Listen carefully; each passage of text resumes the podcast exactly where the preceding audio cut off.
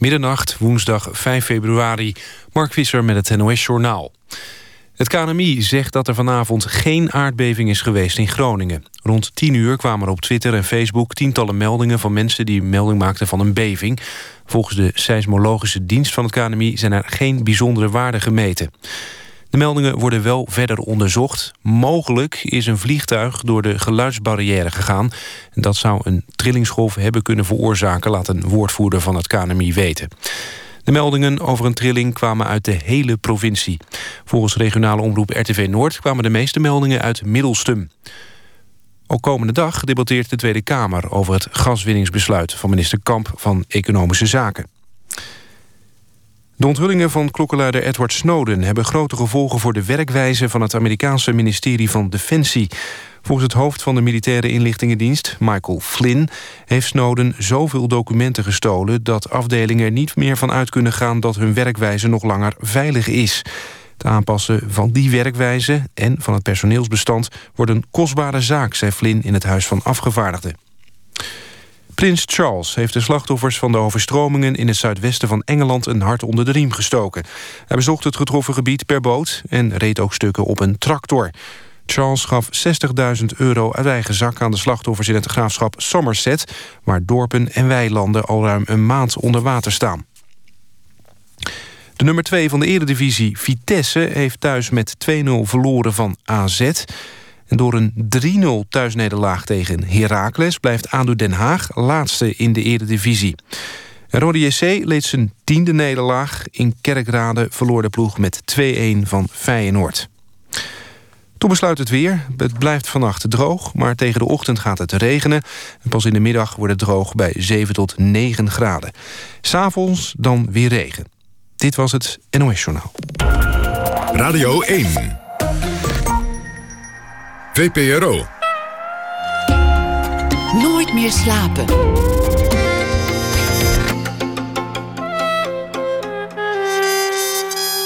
Met Pieter van der Wielen. Goedenacht en welkom bij Nooit meer slapen. Straks schrijft Thomas Verbocht, althans hij schrijft het niet, hij draagt het voor. Straks een verhaal dat hij vandaag schreef, speciaal voor ons en speciaal voor u. Zangeres Beatrice van der Poel vertelt hoe je slapeloze nachten kunt doorkomen. En aandacht voor Thomas Blondeau. De Vlaams-Nederlandse schrijver overleed plotseling afgelopen oktober. En vandaag verscheen postuum zijn eerste dichtbundel. Mijn beste gedicht dat u nooit zult lezen, heet hij. Dat hoort u allemaal na ene. Maar eerst drie tienerjongens met kanker in een ziekenhuis. Niet echt een luchtig onderwerp, maar regisseur Lodewijk Krijns durft het aan.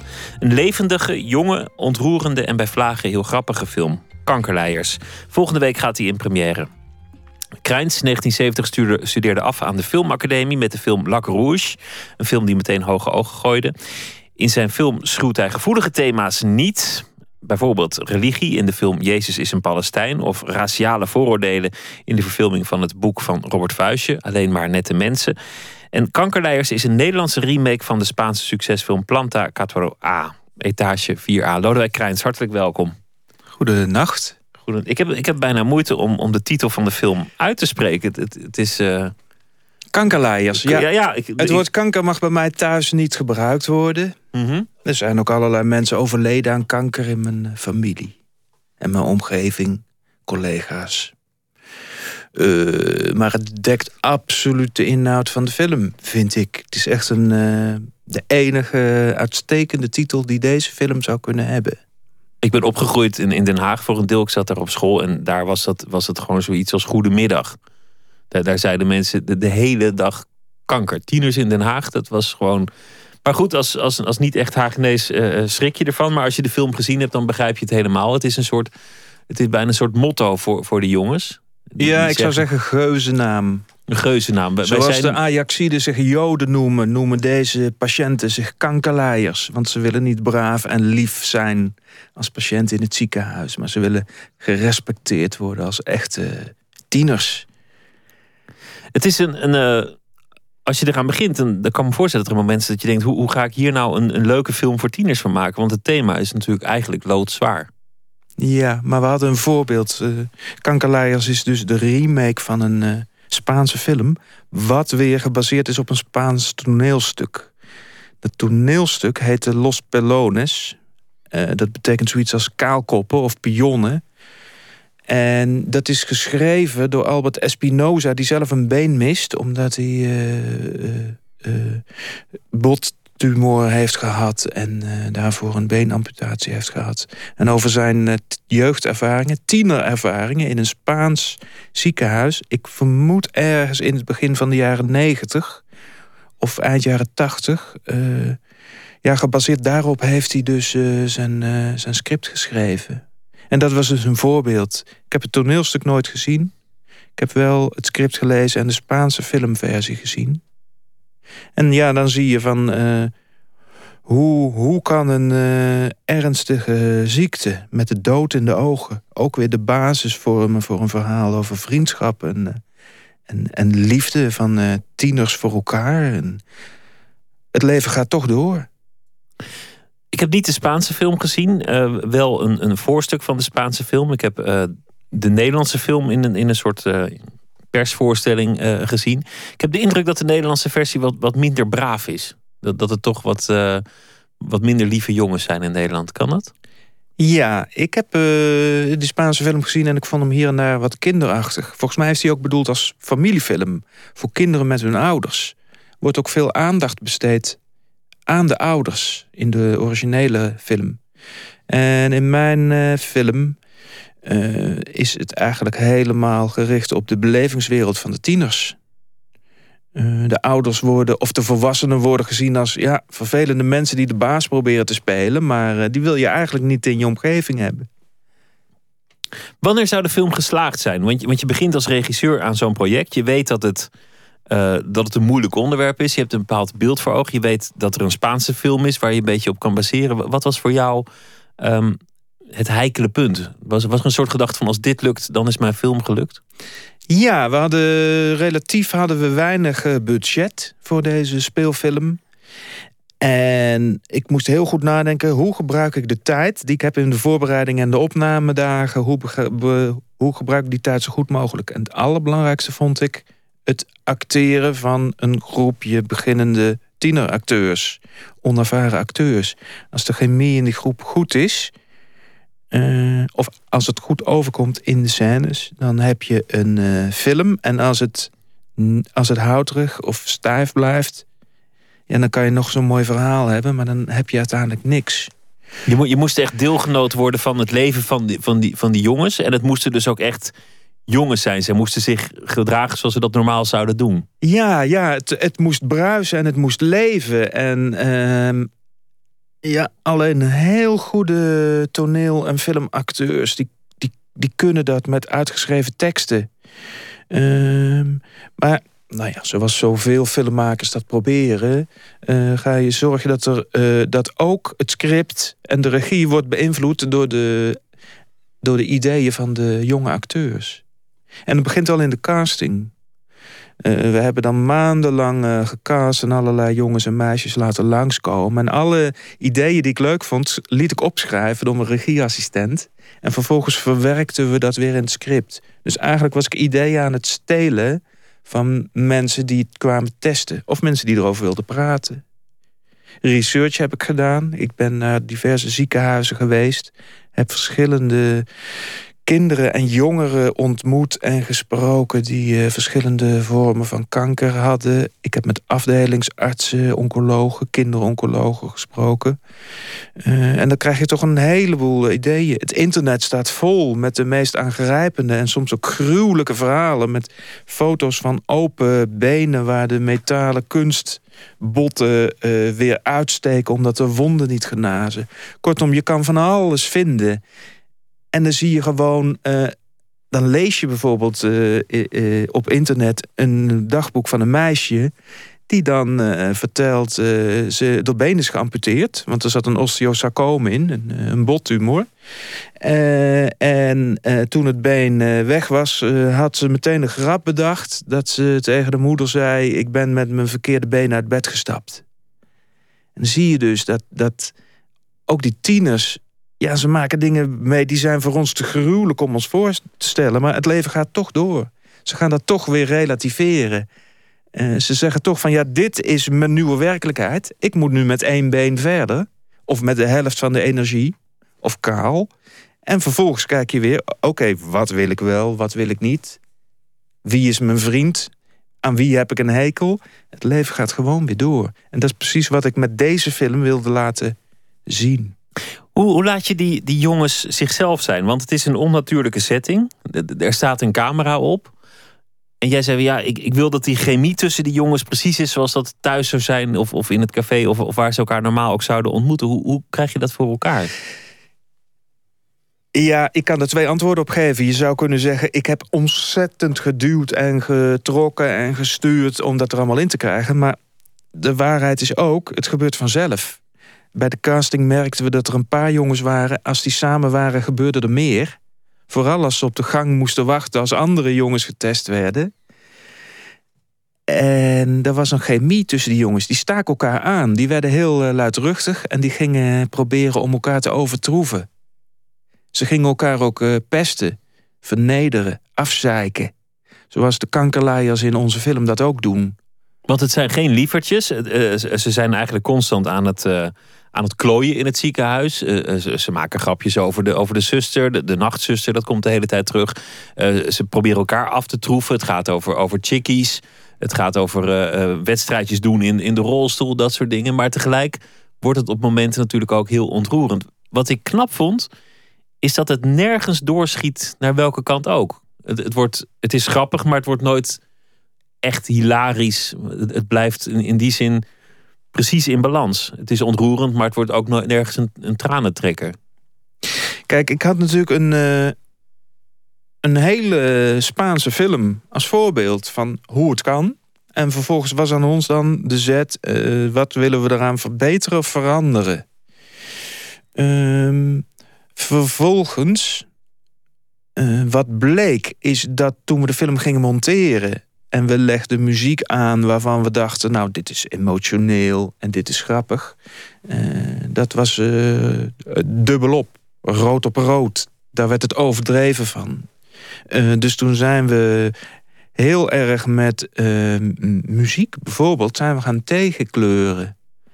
We hebben, we hebben die muziek. Bart van der Lisdonk, die ook trouwens de tunes van dit programma maakte. Dat is geheel toevallig, maar, maar wel leuk. Ah. Die heeft de muziek gemaakt. Wij hebben na heel lang zeuren die muziek losgekregen.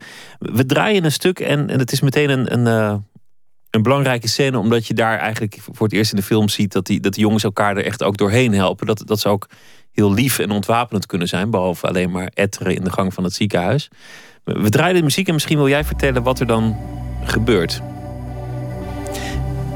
Ja, er is een uh, jongen die heet uh, Iwan en die wacht al een aantal maanden op zijn nieuwe been. Dat is een, eh, een eh, mechanisch been. Dat, eh, een prothese? Een prothese, ja. gemaakt van diverse materialen.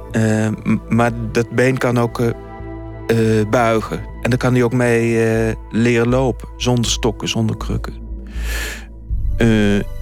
in de scène wordt het been aangepast. En wordt hij meegenomen naar een turnbrug. Die dient als loopsteun. En daar gaat hij met de uh, fysiotherapeut gaat hij proberen voor het eerst stappen te doen op zijn nieuwe prothesebeen. En wat je dan ziet is dat die andere jongens erbij staan en hem aanmoedigen. Ja. Zeggen van joh, joh, je kan het. En, en ook een beetje grapjes maken, elkaar aanporen en uiteindelijk applaudisseren als hij voor het eerst niet, niet, niet omvalt. Ja, dat is steeds het idee in die film. Dat uh, uh, alle dingen zijn nieuw als je ineens een been mist en zo ziek bent. Ehm, dus je moet dan allerlei stappen maken. Maar die jongens zitten in hetzelfde schuitje en die helpen elkaar er doorheen. En er komen allerlei situaties in die film voor... waarin uh, die jongens elkaar steunen. En eigenlijk, de hele film, uiteindelijk gaat het over vriendschap. En het, het uh, wat, wat ik dan weer heel grappig vond, is dat, ze in, dat hij, als hij eenmaal kan lopen met zijn prothese, ook meteen probeert indruk te maken op het meisje dat, uh, dat bij hem op de afdeling ligt. door binnen te komen op zijn nieuwe benen en dan meteen wel omdondert. Zoals een, zoals een tiener stuntelig en wel tegenover meisjes nou eenmaal zou moeten doen. Ja, uh, uh, het leek mij interessant dat als je maar één been hebt, dat je trots bent op je aluminium me mechanische of hydraulische been. Uh, en dat je liever met dat been gezien wordt dan met een uh, missend been. Uh, er is zelfs in de wereld van de prothesebenen en de mensen die ledematen missen, is er een hele nieuwe stijl waarin je moet laten zien wat je hebt, namelijk aluminium, titanium, kunststof. En niet, zoals wij gewend zijn, dat daar een imitatie van de menselijke huid en anatomie overheen is gebouwd. Het is gewoon een nieuwe modestroom. Een soort van uh, Robocop-achtig onderdeel van je lichaam... waar je trots op kan zijn. Waar je niet meer hoeft te verbergen dat je een, een mechanisch lichaamsdeel hebt. Vond ik heel verrassend om dat te lezen en te horen... Ja, want je hebt je de research. Je hebt je, je hebt je heel uitgebreid, dat zei je net al, uh, verdiept in, in uh, de kinderoncologie. In kinderen met kanker en hun verhalen. Je hebt, je hebt alle blogs gelezen, je hebt met ze gepraat, je hebt met, met artsen gepraat. Ontzettend veel. Wat heeft jou dat eigenlijk geleerd daarover? Het heeft mij geleerd dat je ontzettend vette pech hebt als je als kind kanker hebt. Maar dat je vervolgens als kind of als tiener al je grenzen weer uh, verlegt. En opnieuw zegt: Oké, dit is er en nu ga ik verder kijken. Kortom, wat wij in het leven als een enorm probleem ervaren. Ja, dan denkt zo'n tiener van: wat zeurt hij nou? Ik, ik ben een been verloren, maar ik wil ook verder leven. Ik ben ook verliefd. Kortom, de, eh, de, de, hoe nou zeggen, je, je grens of je uitgangspunt om naar het leven te kijken is heel anders. Uh, je bent ineens blij dat je weer naar school kan. Met je nieuwe been of in je rolstoel. Waar het ook in de film over gaat, is het ongemak van de omgeving. Dat het, het ongemak rond de ziekte zit niet bij de patiënten. Het ongemak zit hem bij de klasgenoten of, of de teamgenoten die niet, die niet durven langs te komen, bijvoorbeeld. Ja, en ik heb gelezen of gehoord bij uh, mensen van het. Uh, Koninklijk Wilhelmina Fonds, het kankerfonds, dat dat zo typisch was en dat ze dat zo goed vonden aan onze film. Dat uh, de schaamte inderdaad bij de mensen in de omgeving zit. Die weten niet hoe ze ermee om moeten gaan. Tenminste, dat schijnt regelmatig voor te komen. Nou ja, we kennen dat allemaal wel, hè? Dat iemand heeft iets ergs meegemaakt... en dan weet je eigenlijk niet wat, wat je tegen diegene moet zeggen iemand is heel erg ziek, moet je dan zeggen: Ja, uh, ik ken iemand die was nog veel zieker? Of ja. moet je zeggen van, nou, het valt allemaal wel mee, het komt wel goed. Ja, of iemand zegt, het komt altijd lullig over. Iemand zegt, ja, laten we er niet al te moeilijk over doen... en dan schiet het vaak weer door naar de andere kant. Ja, ja ik vind dat altijd heel uh, moeilijk. En weet je, wat ik, weet je wat ik zo schitterend vind? We hebben nu een film gemaakt over tieners met kanker. Die heeft de verschrikkelijke titel Kankerleiers. Maar volgens mij de mensen die zich eraan ergeren, zijn niet de mensen die zelf kanker hebben gehad. Dat zijn die andere mensen. Die vinden dit een vrede titel. En die mensen die zelf kanker hebben gehad, ja, die, die kunnen dat relativeren. Die hebben alles al uh, meegemaakt. Tenminste, dat is de indruk die ik tot nu toe heb. Er zit ook veel muziek uh, in de film. Naast de, de, de muziek van Bart van der Listonk ook veel liedjes. Want, want die, de jongens die gaan stiekem naar, naar de kelder om daar uh, te blowen. En dan zingen ze met elkaar liedjes. En een van de liedjes die ze, die ze vrolijk maakt. En die, die eigenlijk ook de lichte sfeer meegeeft in de film. Is uh, dit liedje van Eva de Rovere. Fantastisch toch?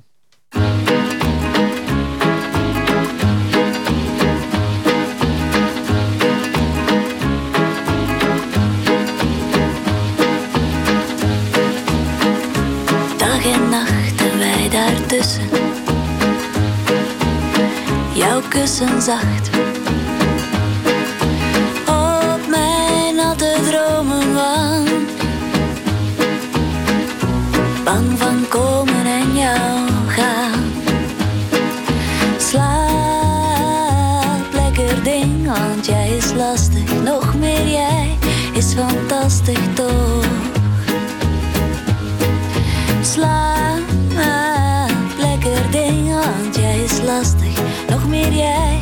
is fantastisch toch. Glimlach, lach in veel te grote tas. Klein te zijn.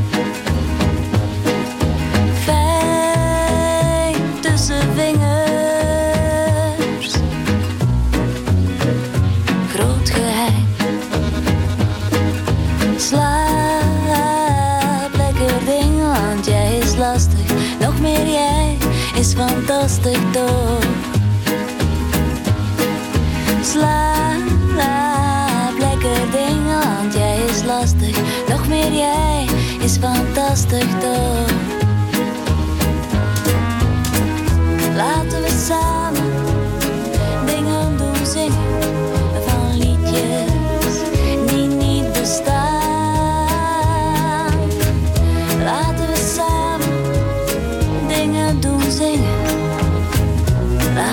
Laten we samen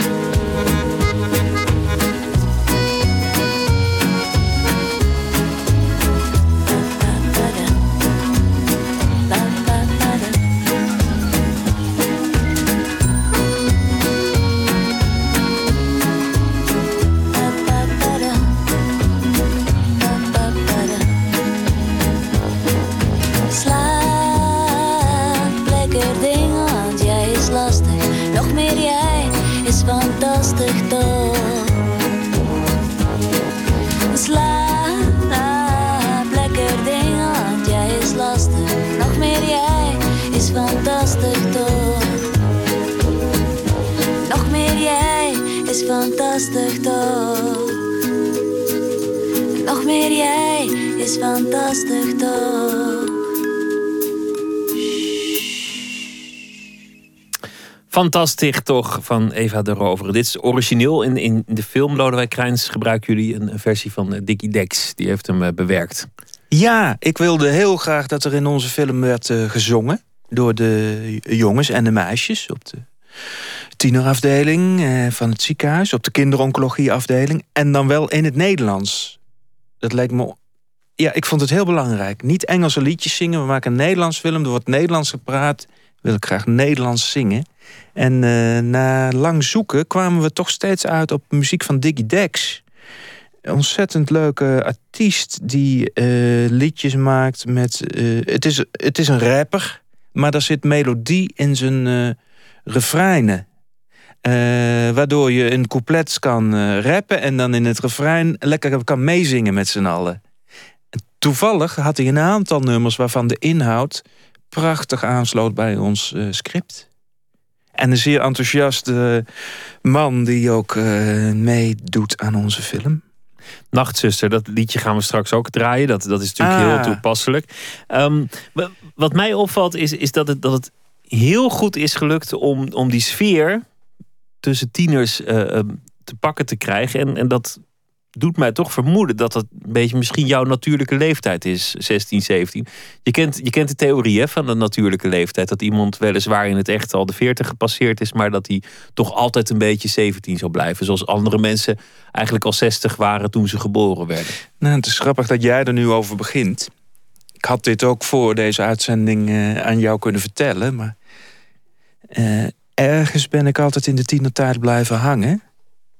En ik heb er dan ook geen enkele moeite mee om mij te verplaatsen in de belevingswereld van eh, tienerjongens.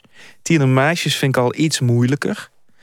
Eh, ik ben geen vader, ik heb geen kinderen. Ik zie mezelf soms toch als een oudere jongere. Iemand die nog net zo leeft als in de studententijd. Ehm, en ik denk, de, dingen in mijn tienertijd... die hebben zo'n grote indruk op mij gemaakt. Gewoon simpele dingen, hè? als voor het eerst op vakantie zonder je ouders. Of verliefd worden op een meisje die op oudere jongens valt. Eh, dat soort hoogtepunten of dieptepunten eh, van een tiener... hebben jarenlang mij eh, bezig gehouden nog daarna.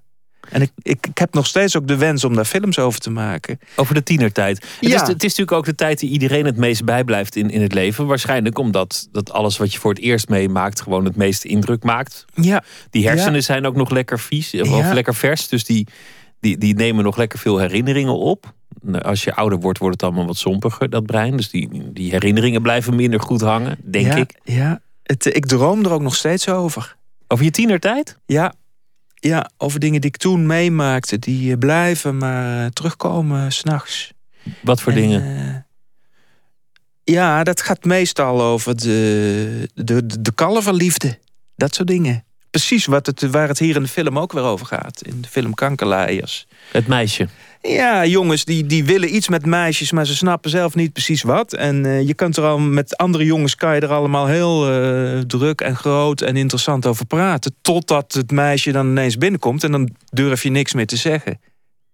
Zo'n tiener was ik waarschijnlijk ook.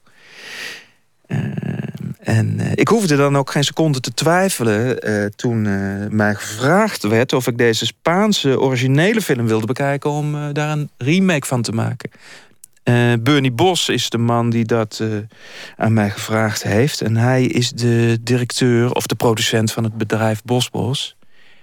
Hij maakte tot nu toe heel veel Annie M. G. Schmid verfilmingen... en andere jeugdfilms, kinderfilms.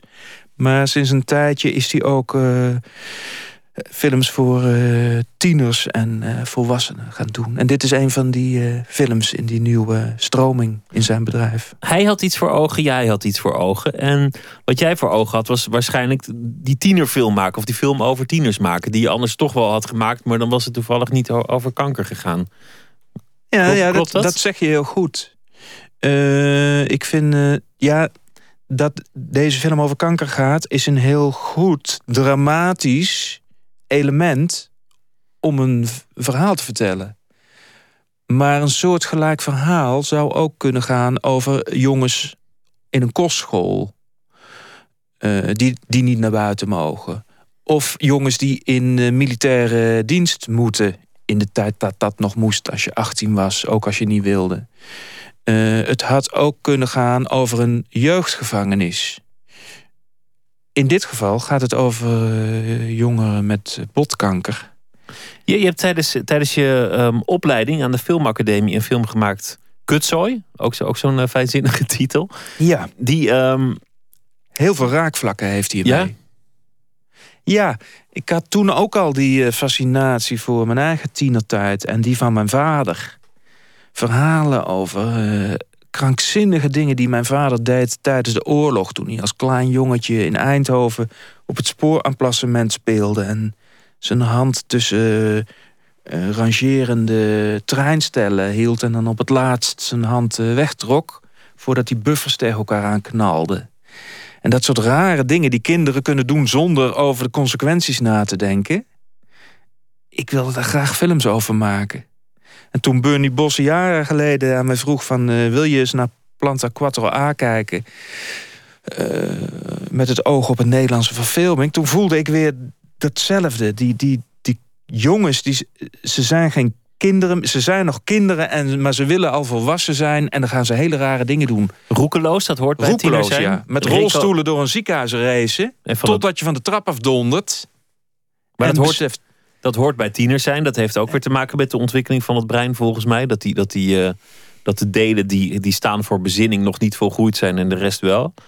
Um, recalcitrantie is natuurlijk ook iets. Dat is, dat is wat ik mij vooral van mijn tienerjaren herinner.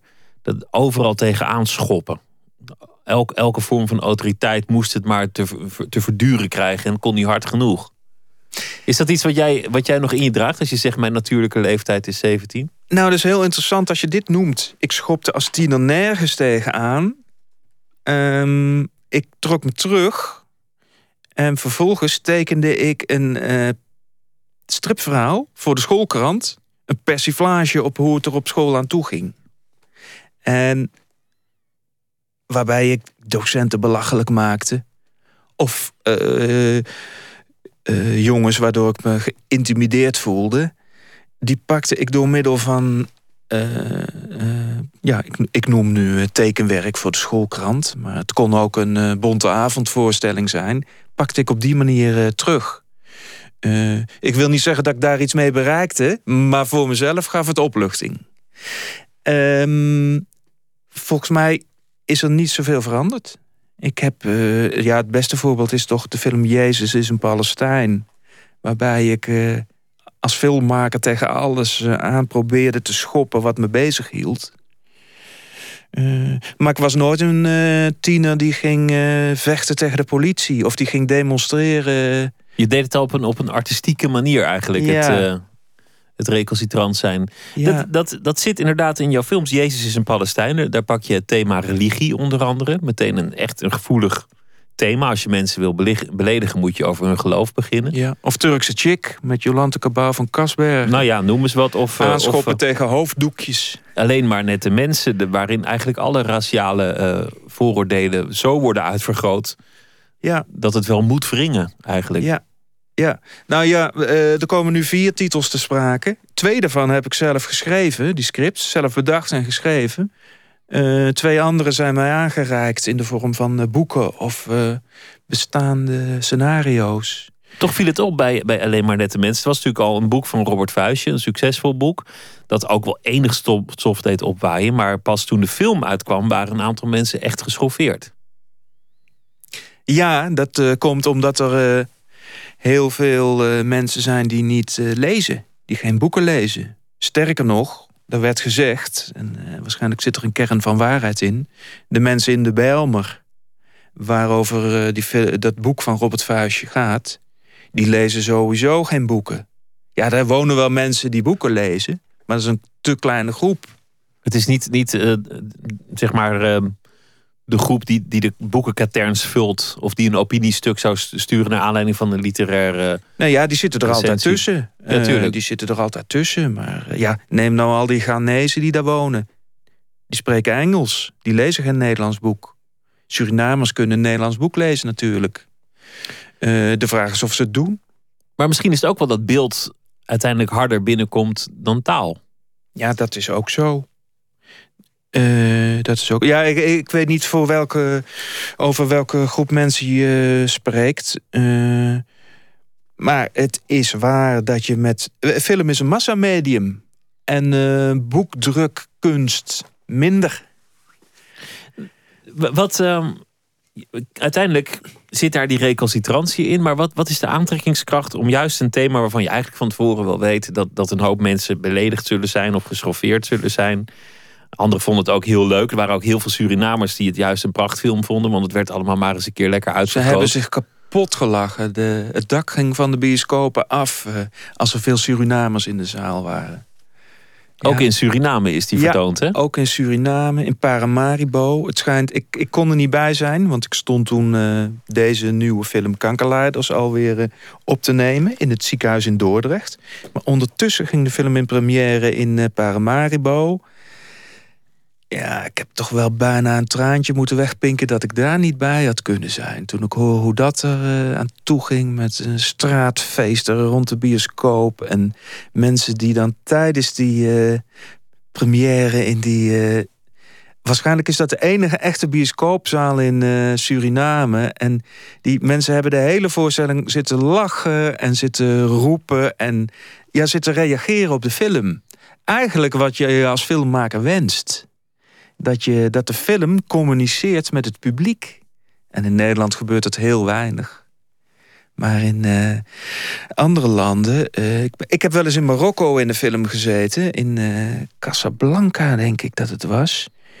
En ja, dan weet je ook niet wat je meemaakt. Mensen gaan allemaal naar de film schreeuwen en joelen en juichen. Alsof die film een, een, een groep cabaretiers is die op jou kan reageren. Dus ook roepen naar de acteurs. En, en nou, de acteurs waren in dit geval ook in de zaal bij de, bij de première in, in Paramaribo natuurlijk. Ja, ja wij alleen maar net de mensen eh, zaten een aantal acteurs in de zaal. En die, eh, de, ik hoorde van Geza Wijs onder andere dat er door de zaal heen werd geroepen naar hem toe.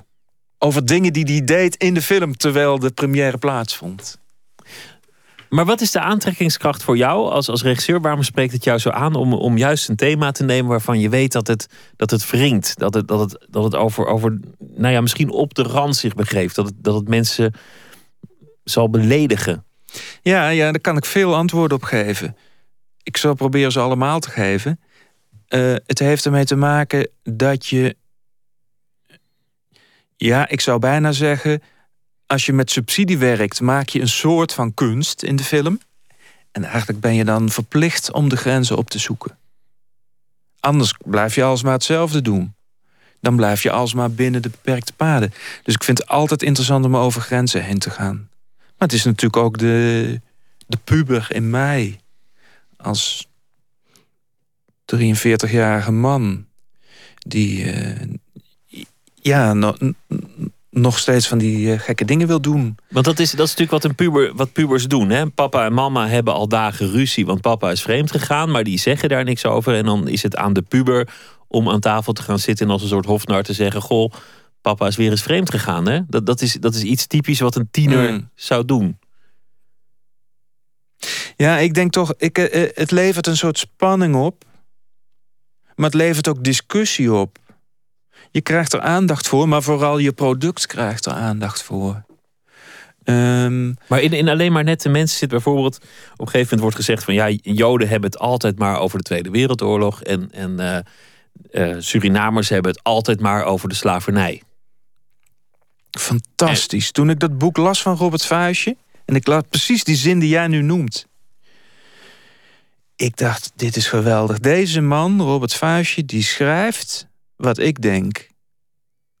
En alleen hij kon het veel beter verwoorden dan ik zelf. Ik was namelijk zelf ook met zo'n soort script bezig. En ik ben toen meteen gestopt om dat uh, script af te schrijven. En ik heb uh, uh, met die producent Top Capi Films... plannen gemaakt van... ja, ik moet dit boek van Robert Vuijsje gaan verfilmen. Laten we hem gaan benaderen. En uh, ik heb overigens uiteindelijk ook moeten vechten om een heleboel van die uh, ongenuanceerde uitspraken, of juist zeer doortastende opmerkingen, om die ook echt in die film te houden. Want er waren toch nog krachten die zeiden: ja, de bioscoophouders, de sponsor, de subsidiegever, uh, de recensent. Die kunnen daar aanstoot aan nemen. Ja, en ik ben een man, ik kan er dan ook geen genoeg uh, van krijgen. Dus hoe meer hoe meer on, onsubtiele vooroordelen er over elkaar heen buitelen, hoe mooier ik het vind.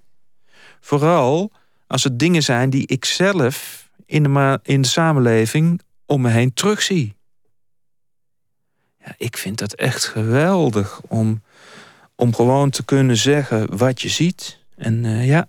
Uh, Inderdaad, als, als een tiener. Maar tegelijk zit, is er in jouw manier van werken, die is juist heel Althans, zo komt het op mij over. Dus, dus je, je kiest thema's die lekker op de rand zijn. De film mag, daar mag het af en toe lekker benoemd worden en er dik bovenop liggen. Maar in je manier van werken ben je heel bedachtzaam. Althans, zo komt het over, omdat het bijvoorbeeld in de film Kankerlijers nergens heel hard de ene of de andere kant op gaat. Het lijkt wel alsof alles heel afgewogen gebeurt. Hmm. Ik heb ook, als het goed is, altijd een groep mensen om mij heen. En die groep wisselt wel per film. Maar uh, wiens hulp ik inroep om mij erop te wijzen waar ik uit de bocht vlieg. Uh, want ik denk, uh, mijn film Jezus is een Palestijn... is een voorbeeld van een film waar ik daar te weinig op werd gewezen... en zoveel vrijheid kreeg en zo onervaren was... dat de film echt voortdurend uit de bocht vloog. En mensen ook dachten van, wat is dit nou voor een rare film? Is dit nou een komedie of is dit een drama? Of is dit studenticoze humor? Of is dit grappig bedoeld? Of is het een commentaar?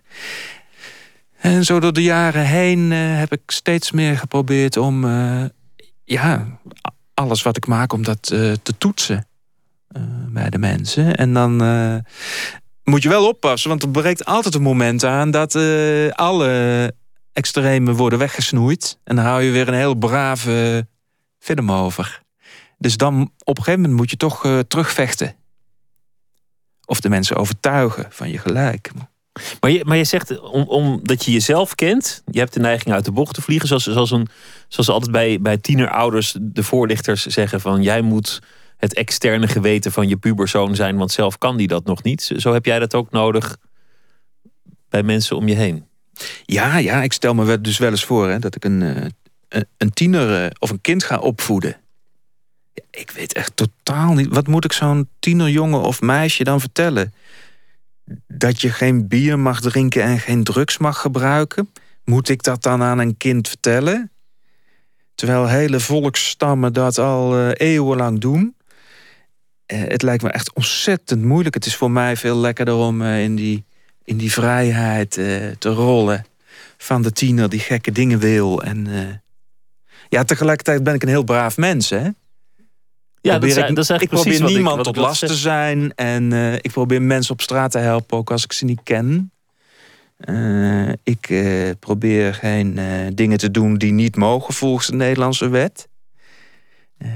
Daar hou ik me ook altijd heel netjes aan.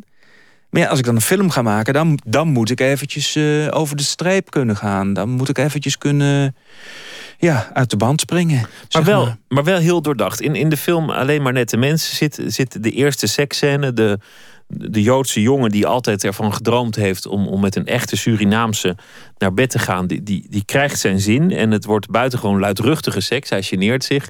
Maar eigenlijk maakt alles en iedereen in, dat, in die flat in de Belmer maakt lawaai. Met computerspelletjes, met cowboytjes spelen. Eh, eh, moeder staat te koken. Alle clichés buitelen over elkaar. En dat gebeurt dan eigenlijk allemaal door elkaar heen gesneden.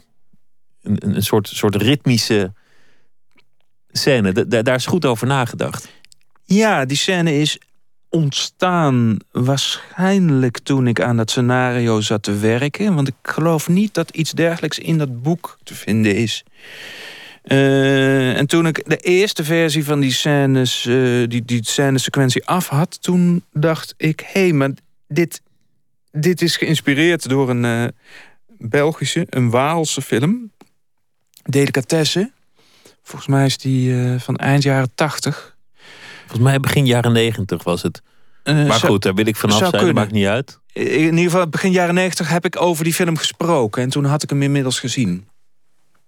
En daar zit zo'n seksscène in dat, dat de slager het vlees slaat. En, en dat, nou ja, dat, dat, dat eigenlijk ook allemaal dingen door elkaar gebeuren. Met, Ja. met het ritme van, van, de, van de, de paring. Ja, en dan gaat er, als scenario schrijver gaat er zoiets door je heen. eh, eh, hoe zeggen ze dat ook alweer? Eh, als je goed jat, dat is slim. Of als je slim jat, is goed voor je film. En tegelijkertijd, ja, die film is van lang geleden. Dus de jongeren van nu, die kennen die film helemaal niet. Dus is er dan eigenlijk nog een reden om een dergelijke sequentie niet te maken? Dus ik heb dat eh, gewoon doorgezet. Ja, Tot een- in de montage toe is daar Een, ook... een eh, mooi citaat, dat mag altijd. Wa- Wanneer, wanneer begint de film het meeste leven? Is, is het voor jou als je. Want je had het over de acteurs. Hè, die moeten, moeten zich au naturel gaan gedragen.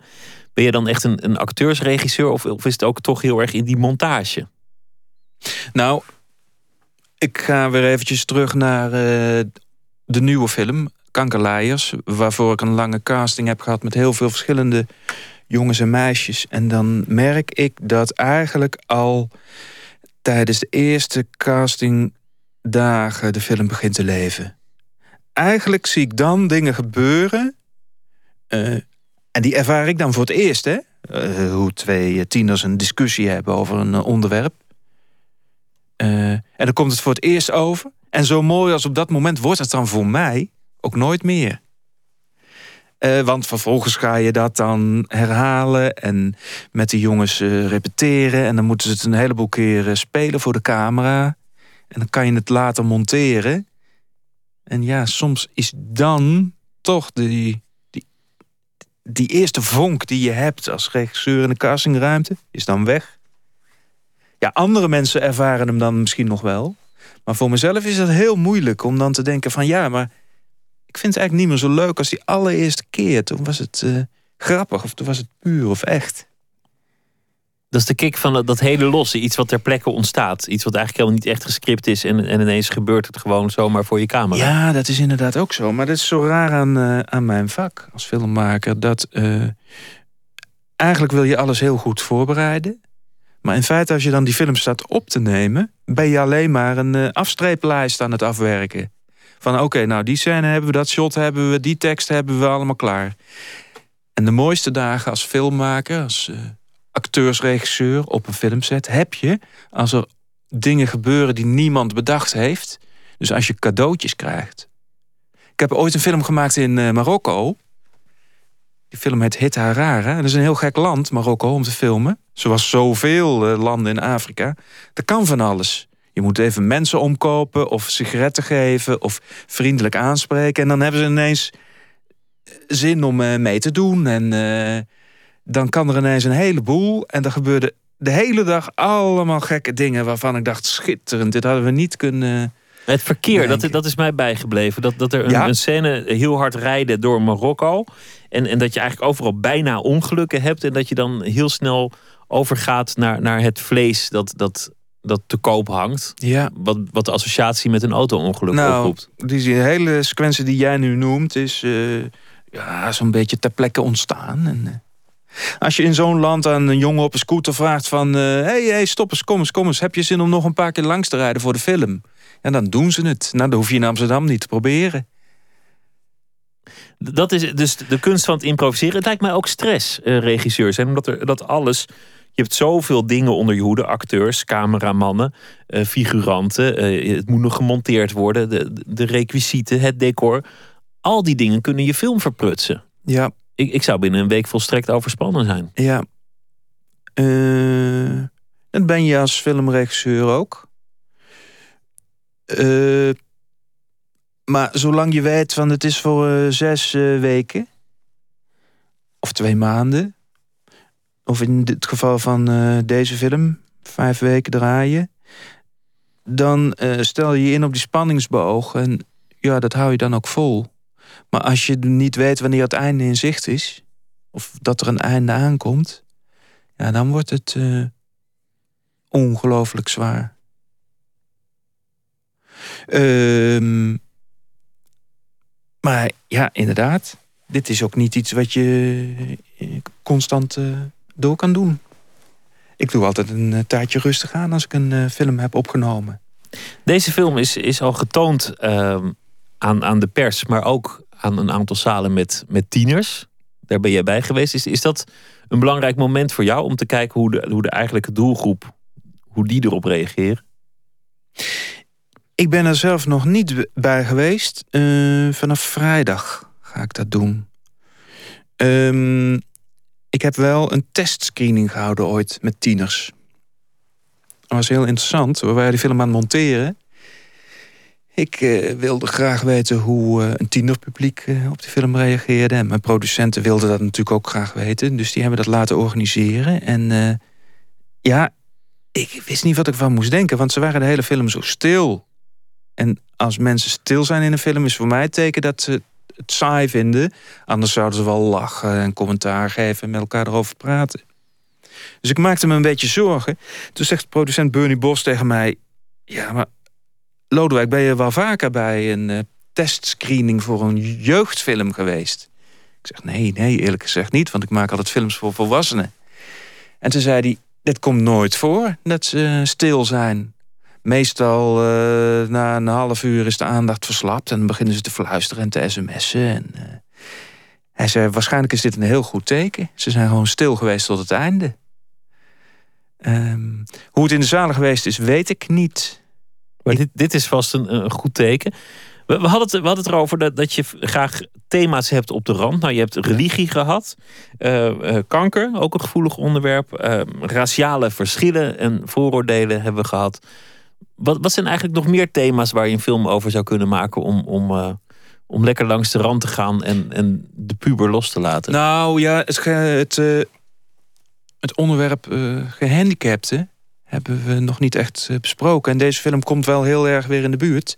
Maar ik heb een film gemaakt die heet Met Grote Blijdschap. En dat gaat over de, de, de schaamte voor het krijgen van een gehandicapt kind. En hoe je daarmee omgaat. En ehm, datzelfde kan je terugvinden in mijn eindexamenfilm Lap Rouge. En je kan het terugvinden in eh, Jezus is een Palestijn. Waar eh, mensen die ook weer ledematen missen... of die allerlei verschrikkelijke ziektes hebben... zich eh, laten insmeren met ingewijde zalf... door de Palestijn, de nieuwe Messias. Eh, dus dat is ook een thema wat je heel veel terug eh, ziet. En voor de toekomst, want, want we hebben nu een, nu een aantal thema's benoemd. Is er, is er eigenlijk nog een ander thema waarvan je denkt, nou, dit, dit zou heel goed bij mij passen? Van thema's? Ja, een, een ander iets. van, Nou, daar wil ik eigenlijk ook nog wel eens een film over maken. Ja, zeker. Ja, zoveel. Maar ja, dan hebben we het over hele andere dingen. Ik wil heel graag een keer een historisch uh, speelfilm maken... over uh, Nederland in de prehistorie... waarin de voorloper van de Nederlandse en de Duitse taal gesproken wordt. En dat ligt heel uh, moeilijk in Nederland... want je kan subsidie krijgen voor Nederlands films... maar er moet wel 70% in de Nederlandse taal worden gesproken. En als je nu uh, Oer-Germaans of uh, Noordzee-Germaans uh, taal gaat reconstrueren... ja, is dat dan Nederlands? Oh ja, dan, dan val je buiten de buiten En de... wil een distributeur dat uitbrengen, want niemand kan het verstaan. Dus je moet de hele film gaan ondertitelen. Dat lijkt me een mooi project. Ik noem, ik noem nog even de, de film uh, Kankerleiers. Die is vanaf volgende week te zien in uh, heel veel bioscopen in Nederland. En een deel van de opbrengst van het bioscoopkaartje gaat ook naar de, de kankerbestrijding. Dat is ook uh, mooi om te noemen. Dankjewel, Lodewijk Krijns. We draaien nog een nummer uit de film dat ik net al noemde, Diggy Dex. Hij heet eigenlijk gewoon Koen Jansen en hij speelt het nummer. Nachtzuster. Nachtzuster.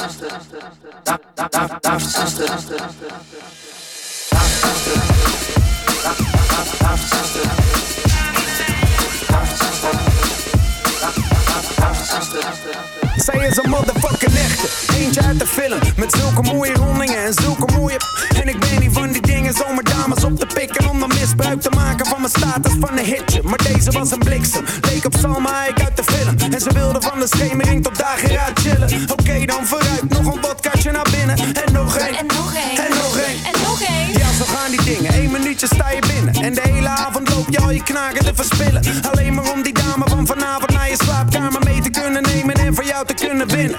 Eerst maar even pinnen, mijn allerlaatste money van de maand. Weer verbrassen daarom dat ze wat wil drinken. Dus ik dacht dat zit oké, okay. de buiten is nu wel binnen. Maar ze zei nee, graag en bedankt voor al het drinken. Nachtzuster, wat moet ik zonder jou beginnen? Nachtzuster, ik brand van binnen. Nachtzuster, doe Nachtzuster, wat ben ik zonder al je zorgen? Nachtzuster, al ik de morgen. Nachtzuster, doe iets aan de pijn. Die donderdag erop was ik in dezelfde tent. Met een paar goede bekenden en hetzelfde recept. Met z'n hier, gezellig hier, dezelfde bestellingen. Hier Een bier of elf en nog een paar shirtjes in mijn bek En daar kwam ze, aangelopen om wat te dansen. Zo te zien alleen, dus dat vergroot al mijn kansen. Ik zei, weet je nog van vorige week, weet je nog wel hoe ik heet? Maar mijn echte naam is Koen Jans. Toen moest lachen en ze zei me, ik geloof je niet. Die naam die heeft toch iedereen, dus dat gaat zomaar niet. Ik zei, je geur die doet me denken aan een zomerbries Plus ik heb een plekje over om mijn oude oma fiets Beter dan een taxi, klaar voor alle actie Maar toen zei ze wacht maar, ik vond je sowieso al niks Maar misschien kan je me helpen Heb jij niet toevallig het nummer van Twan van de Opposites? Nachtzuster, wat moet ik zonder jou beginnen? Nachtzuster, ik brand van binnen. Nachtzuster, doe iets aan de pijn. Nachtzuster, wat ben ik zonder al je zorgen? Nachtzuster, al ik de morgen. Nachtzuster, doe iets aan de pijn.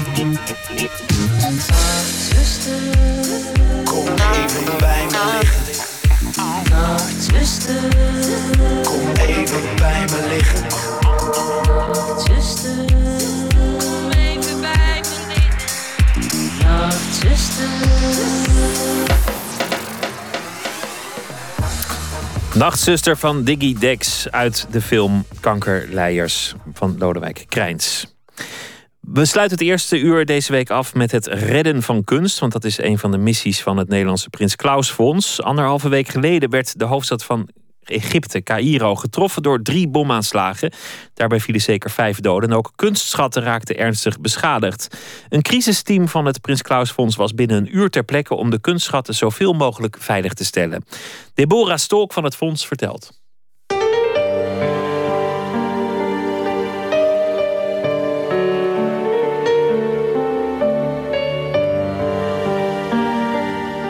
Nou, het is natuurlijk ook breed uitgemeten geweest in het nieuws. Maar anderhalve week geleden is er, uh, nou, zijn eigenlijk vier bommen afgegaan in Cairo.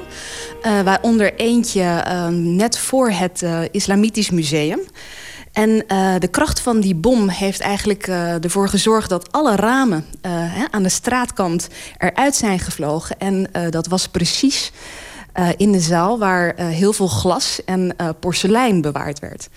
En wat er, ehm, ja, het is zo'n ontzettend mooi toeval. Ehm, wij steunen als Prins Klaus Fonds een training.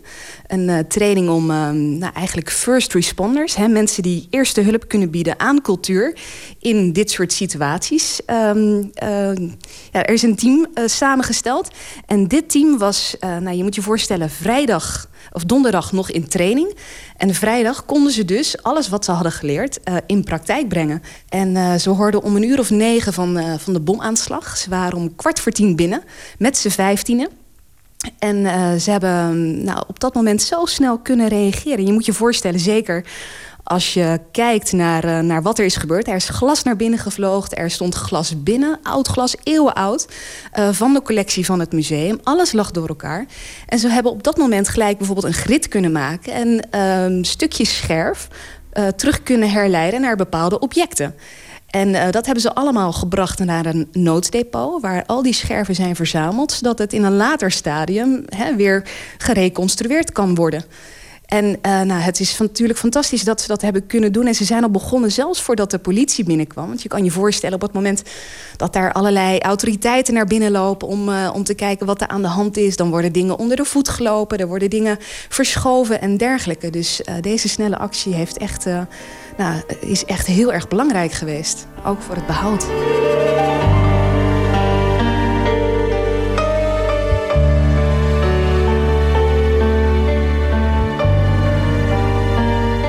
Wat ze gelijk ook hebben weggehaald is een, een, een, een preekgestoelte. Uh, uit de 13e eeuw. En dat is een van de, nou, eigenlijk een van de topstukken van het museum. En dat was dan van hout. Maar je kan je voorstellen dat dat hout, hè, waar dat glas met zo'n enorme snelheid op afgevuurd wordt, dat dat gewoon aardige schade heeft opgelopen. Dus dat is een van de eerste dingen die ze hebben weggehaald. Maar ook echt ja, eeuwenoude vazen en dergelijke. Ja, en wat er precies natuurlijk uh, stond en wat er nog, uh, nou ja, wat er eigenlijk nu in scherven is gevallen, dat moet natuurlijk nu duidelijk worden. Er zijn natuurlijk inventarissen van het museum, die worden nu naast de, de gelabelde nou, hoopjes scherf, moet ik eigenlijk zeggen, gelegd om, uh, om zo te kunnen herleiden wat er precies, ja, wat er verloren is gegaan, wat er gered kan worden en dergelijke.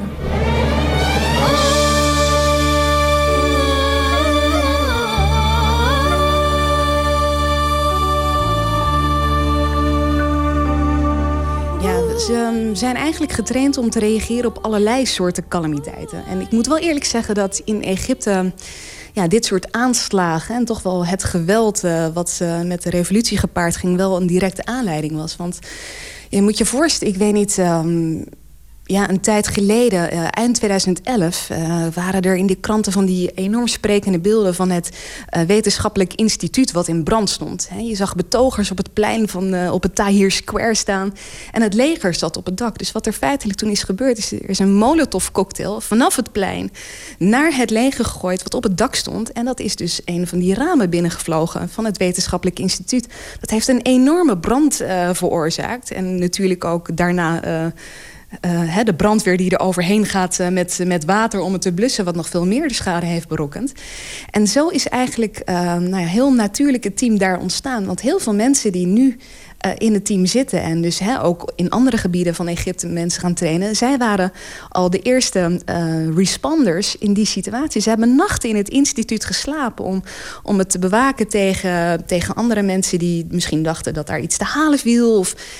Uh, en zo is het, is het eigenlijk vanuit een initiatief vanuit Cairo zelf um, ja, gegroeid. En wij hebben dat kunnen ondersteunen en verder kunnen voeden. En dat is ja, leuk. Dat zien we eigenlijk heel vaak in ons programma. Dat situaties nou, die echt heel moeilijk zijn en echt heel gevaarlijk zijn. Dat mensen juist willen vechten voor wat, wat hun, ja, hun eigen is eigenlijk. Wat hun ja, mens maakt misschien wel. Hè? Dat die geschiedenis en die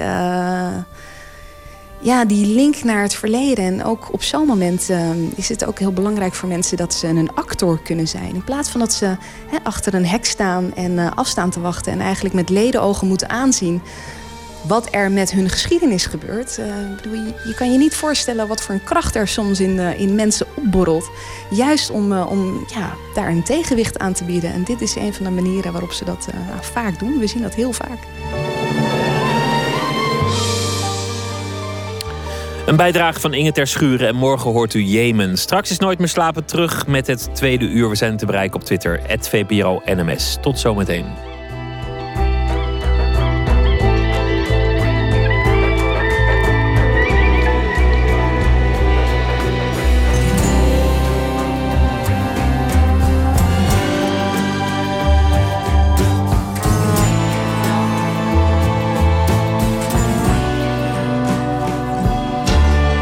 Radio 1, het nieuws van alle kanten.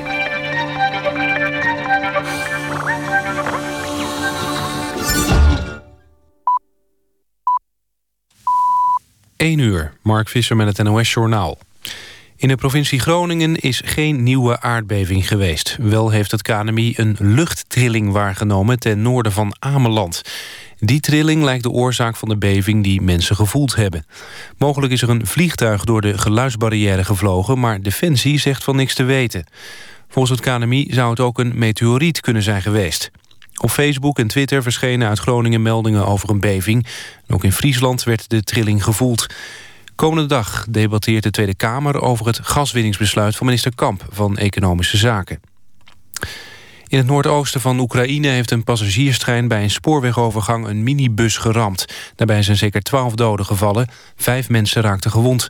Mogelijk heeft de chauffeur van de minibus het rode licht van de spoorwegovergang genegeerd. Volgens lokale media werd de minibus zo'n 300 meter door de trein meegesleept. In de bus zaten leraren en leerlingen die op weg waren naar huis. De Oekraïense president Janukovic heeft zijn condolences overgebracht aan de nabestaanden. Prins Charles heeft de slachtoffers van de overstromingen... in het zuidwesten van Engeland een hart onder de riem gestoken. Hij bezocht het getroffen gebied per boot... en reed ook stukken op een tractor. Charles gaf 60.000 euro uit eigen zak aan de slachtoffers... in het graafschap Somerset... waar dorpen en weilanden al ruim een maand onder water staan. De nummer 2 van de eredivisie, Vitesse, heeft thuis met 2-0 verloren van AZ... En door een 3-0 thuisnederlaag tegen Heracles... blijft ADO Den Haag laatste in de eredivisie. Teleurgestelde Haagse supporters vlieten tijdens de wedstrijd de tribune... en verzamelden zich voor de bestuurskamer in het stadion. Rode JC leed zijn tiende nederlaag. In Kerkrade verloor de ploeg met 2-1 van Feyenoord. Dan het weer. Het raakt geleidelijk bewolkt. In de ochtend trekt een regengebied van zuidwest naar noordoost over het land.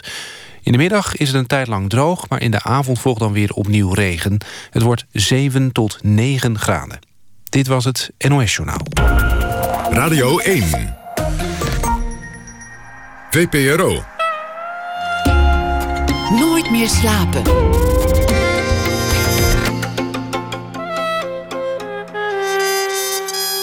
Met Pieter van der Wielen. Welkom terug bij Nooit meer slapen. Onze e-mail is nooitmeerslapen.vpro.nl en op Twitter zijn we @vpro_nms. Thomas Blondeau, een Vlaams-Nederlandse schrijver die overleed afgelopen oktober. Hij liet heel veel boeken na, althans uh, drie boeken liet hij na. En heel veel columns. Maar wat bijna niemand wist, is dat hij ook dichtte. Vandaag verscheen postuum zijn eerste dichtbundel. Mijn beste gedicht dat u nooit zult lezen. Straks hebben we aandacht daarvoor. En ook aandacht voor Robespierre, de man die de geschiedenis in zal gaan als de man van de guillotine. Ooit streed hij zij aan zij met Danton, twee revolutionairen die ieder een andere kant op zouden gaan. Robespierre de kant van de guillotine, Danton de kant van de twijfel. Maar we beginnen met Thomas Verbocht, want hij is de schrijver die deze week elke dag voor ons een verhaal schrijft, gebaseerd op de actualiteit. Verbocht is uh, bekend als schrijver van romans, verhalen en toneelstukken en hij is columnist van de Gelderlanden. Recent verscheen van hem het boek Het eerste licht boven de stad. Dag Thomas. Dag Pieter, hallo. Je vertelde gisteren dat je vandaag naar Maastricht ging en dat je dus in de trein heel veel tijd had om alle kranten te lezen. dat is dat gelukt? Dat is gebeurd. En ik, ik, bleef, ik bleef haken op, op de terugweg achter een piepklein berichtje uh, in de rubriek onderwijs. En daarin stond dat um, een school in Rotterdam, scholieren die goed hun best doet, van, uh, die, gaat, die gaat die belonen met prijzen. En het zijn niet zomaar prijzen, maar de behoorlijke prijzen. Bijvoorbeeld een zeiltocht door het Caribisch gebied. En um, ik heb, daar, ik heb dat, gedicht, dat, dat, dat bericht een paar keer gelezen. En het staat er allemaal echt. Het is dus echt waar. En daar gaat mijn stukje over. Dat is, dat is interessant. Wil je eerst het stukje of wil je eerst toch even de, de gedachte erover laten gaan? zal, weet je wat, ik doe eerst het stukje even. Ja? En dan gaan we daarna nog even erover, misschien even hardop over nadenken. Is dat goed? Ja, dat lijkt me prima. Ga je gang. Nog een paar maanden en dan word ik in de nacht weer bestookt door eindexamendromen. Dat gebeurt altijd in het late voorjaar. Dan gaat, in mijn droom dus, in de vroege ochtend de bel... en staat er een opsporingsambtenaar van het ministerie van Onderwijs voor de deur. Die spreekt de volgende woorden uit. Zo, meneertje Verbocht, eindelijk hebben we u gevonden. U dacht dat we het niet in de gaten hebben gehad. Dat u tijdens uw eindexamen lomp, dat is het woord, lomp heeft gefraudeerd. U dacht dat u de dans kon ontspringen. Maar ik kan u namens de minister meedelen dat u er gloeiend bij bent. We gaan, alles, in heel, gaan er alles eens heel rustig over doen. Mag ik u deze oproep overhandigen? Het is iedere keer min of meer dezelfde droom. En daarin is de opsporingsambtenaar nog nooit gelukt mij de oproep daadwerkelijk aan te reiken. Want voordat ik het document kan aanraken, word ik schreeuwend wakker. Vanavond las ik dat een school in Rotterdam prijzen uitlooft voor als je goed je best hebt gedaan. Bijvoorbeeld een zeilreis van zes weken door het Caribisch gebied. Of een bezoek aan Disneyland. Of boekenbonnen. Of petten. Wat ik van die petten moet denken, weet ik nog niet. Maar ik concentreer me hevig op dit bericht. Misschien helpt het me van mijn eindexamendromen af. In het voorjaar van 1972 heb ik ontzettend mijn best gedaan op het gymnasium. Dat herinner ik me nog levendig. Misschien gaat er na al die jaren alsnog de bel... en staat er een gezellige gastheer van het ministerie van Onderwijs voor de deur... en hij zegt... we hebben met terugwerkende kracht een heel leuke pet voor u. Ik draag nooit een pet, maar vanaf dan wel. En die draag ik vier. Zo noem ik het graag. Vier. Wat grappig, ik, ik, ik, ken meer mensen die die droom hebben dat ze een belangrijk tentamen overnieuw moeten doen. Of dat ze ineens weer in de schoolbanken zitten. Of, en het is een van de engste dromen die je zo'n beetje kunt hebben. Ja, dat is ook zo. Ik bedoel, als ik dus in, in, in, zeg maar, in, uh, eind april, begin mei, dus toevallig langs scholen fiets... ik zie al die ernstige scholieren en een beetje zenuwachtig en een beetje angstig... dan komt het echt onmiddellijk weer terug. En ik heb ook gefraudeerd, dus, het is, eh, eh, dus die angst is ook wel reëel. Heb jij gefraudeerd op je examen? Ja, Vertel eens. Nou ja, althans met, met behulp van, van leraren. Die dus eh, bij mij van tevoren een beetje... Want ze wilden ook heel graag dat ik de school eindelijk verliet. En, en, eh, ze, ze, ze gaven vooraf wat informatie die ik kon gebruiken... Voor het, vooral voor de mondelijke examens. En eh, dat was dus helemaal niet het hele, het hele mondelijke examen... maar gewoon maar een paar trefwoorden die voor mij heel nuttig waren. En daarmee heb ik het eh, wel gehaald, ja. Maar, maar nu de gedachte dat, dat je dus iemand een prijs geeft voor goed de best doen. Want eigenlijk is de hele gedachte van, van school. Je haalt hoge cijfers en daar krijg je dan later in het leven profijt van. Middels een goede Ja. baan of een glansrijke carrière. Of een, weet ik veel, een toelating op een prestigieuze universiteit. Noem het maar op. Maar, Ja. maar kennelijk is het vertrouwen daarin zo gezonken. Dat ze denken, nou ja, dan, laten we het dan maar doen voor een zeilreis. Dan heb je er tenminste nog is- iets voor terug. niks, hè. Een zeilreis van zes weken door het Caribisch gebied. Eh, en, en, en nou ja, naar Disneyland en, of, of, of naar pretpark Walibi. Ja, daar moet ik daar ook niet zo aan denken. Maar goed, het zijn maar wel prijzen. Kijk, en wat ik, wat, wat, ik dan zo, merkwaardig vind... is dat je inderdaad niet meer naar een, een, een, een, ander soort inhoudelijke interessante beloning streeft... maar gewoon dat je ook weer gewend, gewend, eh, gewend aanraakt... dat je overal echt voor beloond gaat worden. En dus dat je iets doet wat eigenlijk toch een beetje de normaalste zaak van de wereld is. Want daarom zit je daar, anders moet je maar niet gaan zitten. En dat je dan per se dan iets, iets voor moet krijgen. Ik vind dat heel jammer. Ja, maar ergens vind ik, het, vind ik het ook wel weer begrijpelijk, omdat van heel veel dingen die je dan moest leren op, op school ook nooit werd gezegd waarom je ze eigenlijk uiteindelijk moest weten. Dus, dus je, je leerde het maar uit je hoofd omdat dat hoorde. En als je het niet Ja. deed, kreeg je straf. En als je het wel deed, kreeg je een hoog cijfer. Maar de precieze noodzaak van veel kennis ontging mij. Daar, daar, ja, kijk, als je, als je hebt over het van buiten leren, ja, dan geef ik je groot gelijk. Want er zijn natuurlijk allemaal dingen die je later ook wel kon opzoeken als je, als je die informatie nodig had. Maar, maar kijk, maar, maar, maar, maar het, om gaat, het gaat om die ongelooflijke, die, echt die ongelooflijke prijzen van zo'n zo'n zeiltocht of Disneyland. Zes Dat weken, hè? echt- Dat is veel. Dat zijn er echt, dat zijn er echt behoorlijke dingen, toch, hè? Ja, maar goed, de beloning voor het, voor het slechte pad van school afgaan en, en de criminaliteit ingaan, die, die is natuurlijk ook heel hoog. Dus daar moet je iets tegenover stellen. ja, ja. denk ik. Het heeft altijd weer twee kanten, Pieter. Ja, dat is waar. Dat is waar. Maar goed, ik, ik, ik, was in ieder geval wel een berichtje waar ik daar even in kon onderdompelen. En het heeft een, eh, een mooi verhaal opgeleverd, dank je wel daarvoor. Morgen weer een verhaal. Het is, eh, het is een straftempo, dus eh, we bellen morgen. Moet je morgen ook nog overdag ergens lang in de trein zitten? Of, Ik hoef morgen niet in de trein te zitten. Nee, maar ik, nee, maar, dus, maar ik heb er van alle andere dingen doen. Maar ik lees dus door de kranten en eh, het komt in orde. Mooi. Ik eh, verheug me al op het verhaal van morgen. Dank je wel, Thomas Verbocht. Pieter, goeienacht. Goeienacht. De Engelse zangeres Martina Tapley Bird die, eh, is vooral bekend geworden als gastzangeres op het album Maxine K van Tricky in de jaren 90. Maar inmiddels heeft ze al een eh, nou ja, lommerrijke solo-carrière opgebouwd. Vier albums heeft ze op haar naam staan. Van het album Someplace Simple hoort u nu het nummer Baby Blue. Oh,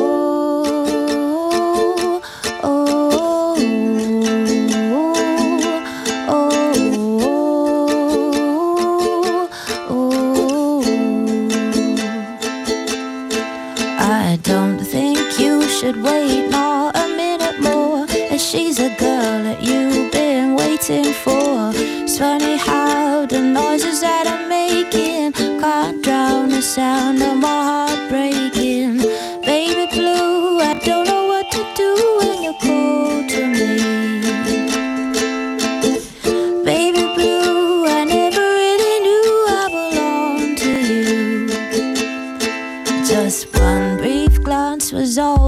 I needed to believe that you might feel what I feel for you. In the night, I wake up hard to breathe in. No peace, you're calling to me. Am I dreaming? Baby blue, I don't know what to do when you're cold to me. Baby blue, I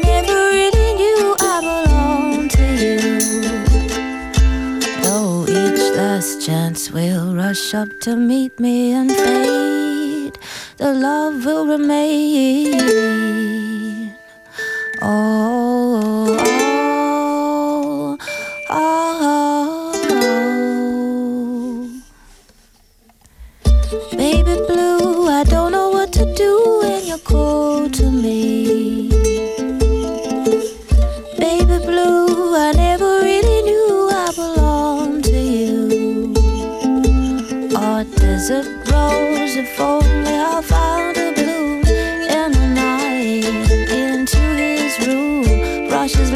and wake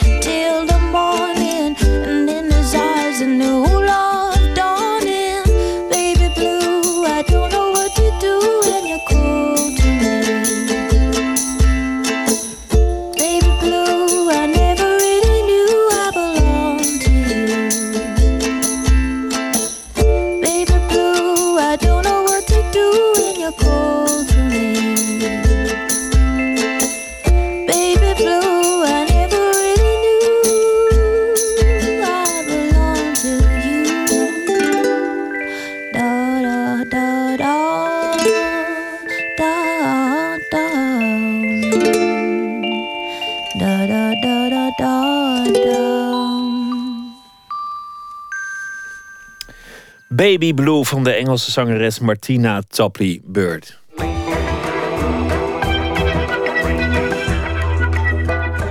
U luistert naar de VPRO Nooit meer slapen. Ooit streden de Franse revolutionaire Danton en Robespierre als vrienden voor dezelfde idealen. Nu staan ze lijnrecht tegenover elkaar. Robespierre wil met geweld een volksdemocratie vestigen en Danton twijfelt steeds meer of de mens wel in staat is grote offers te brengen voor een revolutie. Dantons dood heet het stuk. Een van de bekendste stukken van Georg Buchner van toneelgroep Amsterdam brengt het nu op het podium. Een revolutie schiet eigenlijk ook niet zo heel erg op. Misschien moeten we een betere mens creëren, is de vraag van gastregisseur Johan Simons. Botte Jellema, onze verslaggever, ging naar de repetitie. Ik begrijp niet dat de mensen op straat niet stil blijven staan en elkaar in het gezicht beginnen uit te lachen. Dit is geluid uit de repetitie van de voorstelling Dantons Dood, waar ik verder niets van mag laten horen. Toneelgroep Amsterdam repeteerde afgelopen week aan dit stuk in het Theater van Hoorn. Op het podium zijn onder andere de acteurs Hans Kesting, Gijs Scholte van Aschat en Harina Rijn aan het werk. In de zaal zit regisseur Johan Simons en daar zitten ook zijn assistenten. En dan is er nog een klein dozijn aan technici. In alle rust en concentratie werken ze aan de voorstelling. Als ik hier wat van had laten willen horen, dan had ik vooraf toestemming aan de acteurs moeten vragen. En dat begrijp ik wel, als ik zie hoe vertrouwd er met elkaar om wordt gegaan. Buiten de scènes hebben ze leuke onderlinge gesprekjes, kruipen ze dicht tegen elkaar aan en wordt er overlegd. Tijdens het spelen van de scènes gaat alles minutieus volgens afspraken. Of die worden ter plekke gemaakt. Een overgang moet een fractie van een seconde eerder. Jij moet toch voorlangs af of die stoelen moeten even aan de kant. Spil in het geheel is regisseur Johan Simons. Hij is gastregisseur bij toneelgroep Amsterdam, want hij heeft een vaste betrekking in Duitsland. Hij is intendant van de Münchner Kammerspiele. Zo ongeveer om de twee jaar maakt hij een voorstelling bij toneelgroep Amsterdam. En deze keer is dat Dantons dood. Ja, je, ziet, je, je komt echt in de, in de ziel van de politiek eh, terecht. Dantons dood is een stuk van Büchner uit 1835. Het hoort bij het wereldrepertoire, zoals het heet. Het is een van de stukken die wereldwijd en vaak worden gespeeld door toneelgroepen. Het vertelt het verhaal van Georges Danton, een historisch personage die een belangrijke rol speelde in de Franse Revolutie van de eind 18e eeuw. Dat is natuurlijk eh, na 1789 uh, gebeurd, die Franse Revolutie. En uh, wat ik gedaan heb, um, is niet alleen het stuk van Buchner daarvoor gebruikt, wat een ideeëndrama is. Mm -hmm. Maar wij hebben ook teksten van Wellebeck, De Sade, Camus, uh, Sloterdijk. zijn teksten die we erin gebracht hebben. Want wat is nu vandaag de dag een revolutie? Tenminste, we, zien het, we lezen het heel veel in de kranten. We zien het ontzettend veel op de televisie. Allerlei soorten revoluties, uh, ellendige revoluties, misschien bevrijdende revoluties. De, de, de, de, revoluties in de Arabische wereld? Ja, de, de revoluties in de Arabische wereld of de Oekraïne, waar het nu ook, uh, waar het nu ook natuurlijk aan de, aan de gang is. Mm -hmm. En uh, wat, dit stuk eigenlijk, wat ik met dit stuk eigenlijk wil doen, is uh, dat ik uh, heen en weer spring in de tijd. Dus het begint in 1789 met de Franse revolutie. Maar het verplaatst zich ook zo nu en dan in de toekomst. Dus Robespierre in dit stuk samen met Jean-Just vragen zich af... of je de, geen nieuwe mensensoort zou moeten uh, scheppen. Robespierre is een tijdgenoot van Danton. Hij was ook een revolutionair en aanvankelijk waren ze medestanders. Maar al snel kwamen ze tegenover elkaar te staan. Danton was gematigd en Robespierre was meer radicaal. Hij was rechtlijnig, onwankelbaar, maar was ook verantwoordelijk voor veel slachtoffers van de guillotine. Daar eindigde hij zelf overigens ook onder. Robespierre zegt iets dat filosoof Peter Sloterdijk en schrijver Wellebeck onderschrijven. Als wij in staat zijn mensen te scheppen die het beter doen dan de menssoort die nu op aarde rondloopt, waarom doen we dat dan niet? Dat is natuurlijk een provocatie, die stelling. Want dat kunnen we helemaal niet overzien. En ik zal het ook nooit meemaken. Maar het is natuurlijk een, uh, een provocatie in zoverre dat je hoopt dat mensen na afloop van de voorstelling het niet zozeer hebben over dat het mooi gespeeld is, of dat het mooi geregisseerd is, of dat het een mooi decor is. Maar het werkelijk hebben over wat ontbreekt ons. Wat doen wij eigenlijk niet goed? Wat hebben wij als mens, missen we? Ja, missen nou... we om nou goed om nou een goede samenleving uh, te hebben. Ja. Wat, wat is dat steeds wat in ons moord, steelt en hoert? Dat is ook een tekst van Danton natuurlijk. Ja. Maar wat is dat dan? Ik, ik, ik mocht eventjes bij je, bij je repetitie zijn hier. En uh, daar speelden jullie één scène waarin Halina Rijn, die uh, Julie speelt... de geliefde van Danton, als ik het, ja, als ik ja, het ja, ja, ja. Die, die spreekt op een gegeven moment aan het einde haar, haar tekst uit... Uh, waarbij ze zegt van, van... wat nou als er alleen eens vrouwen waren geweest?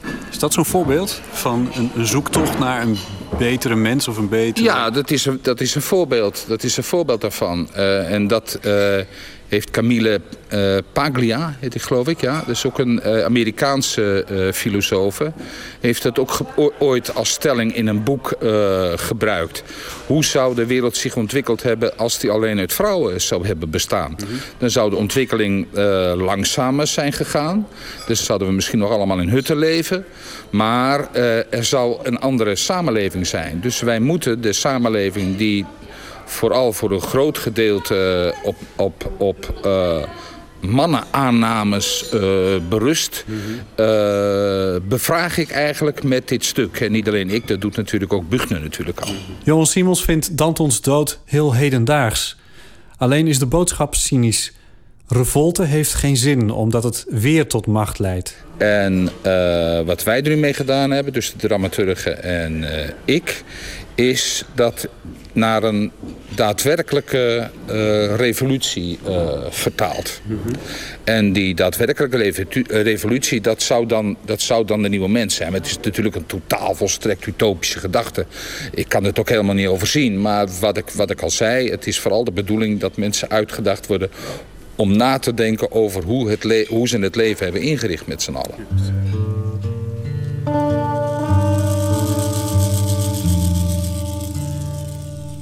In het stuk dragen de acteurs kostuums uit de tijd van de Franse Revolutie. Daar heeft Johan Simons voor gekozen om aan te geven dat we eigenlijk niets zijn opgeschoten sinds het einde van de 18e eeuw.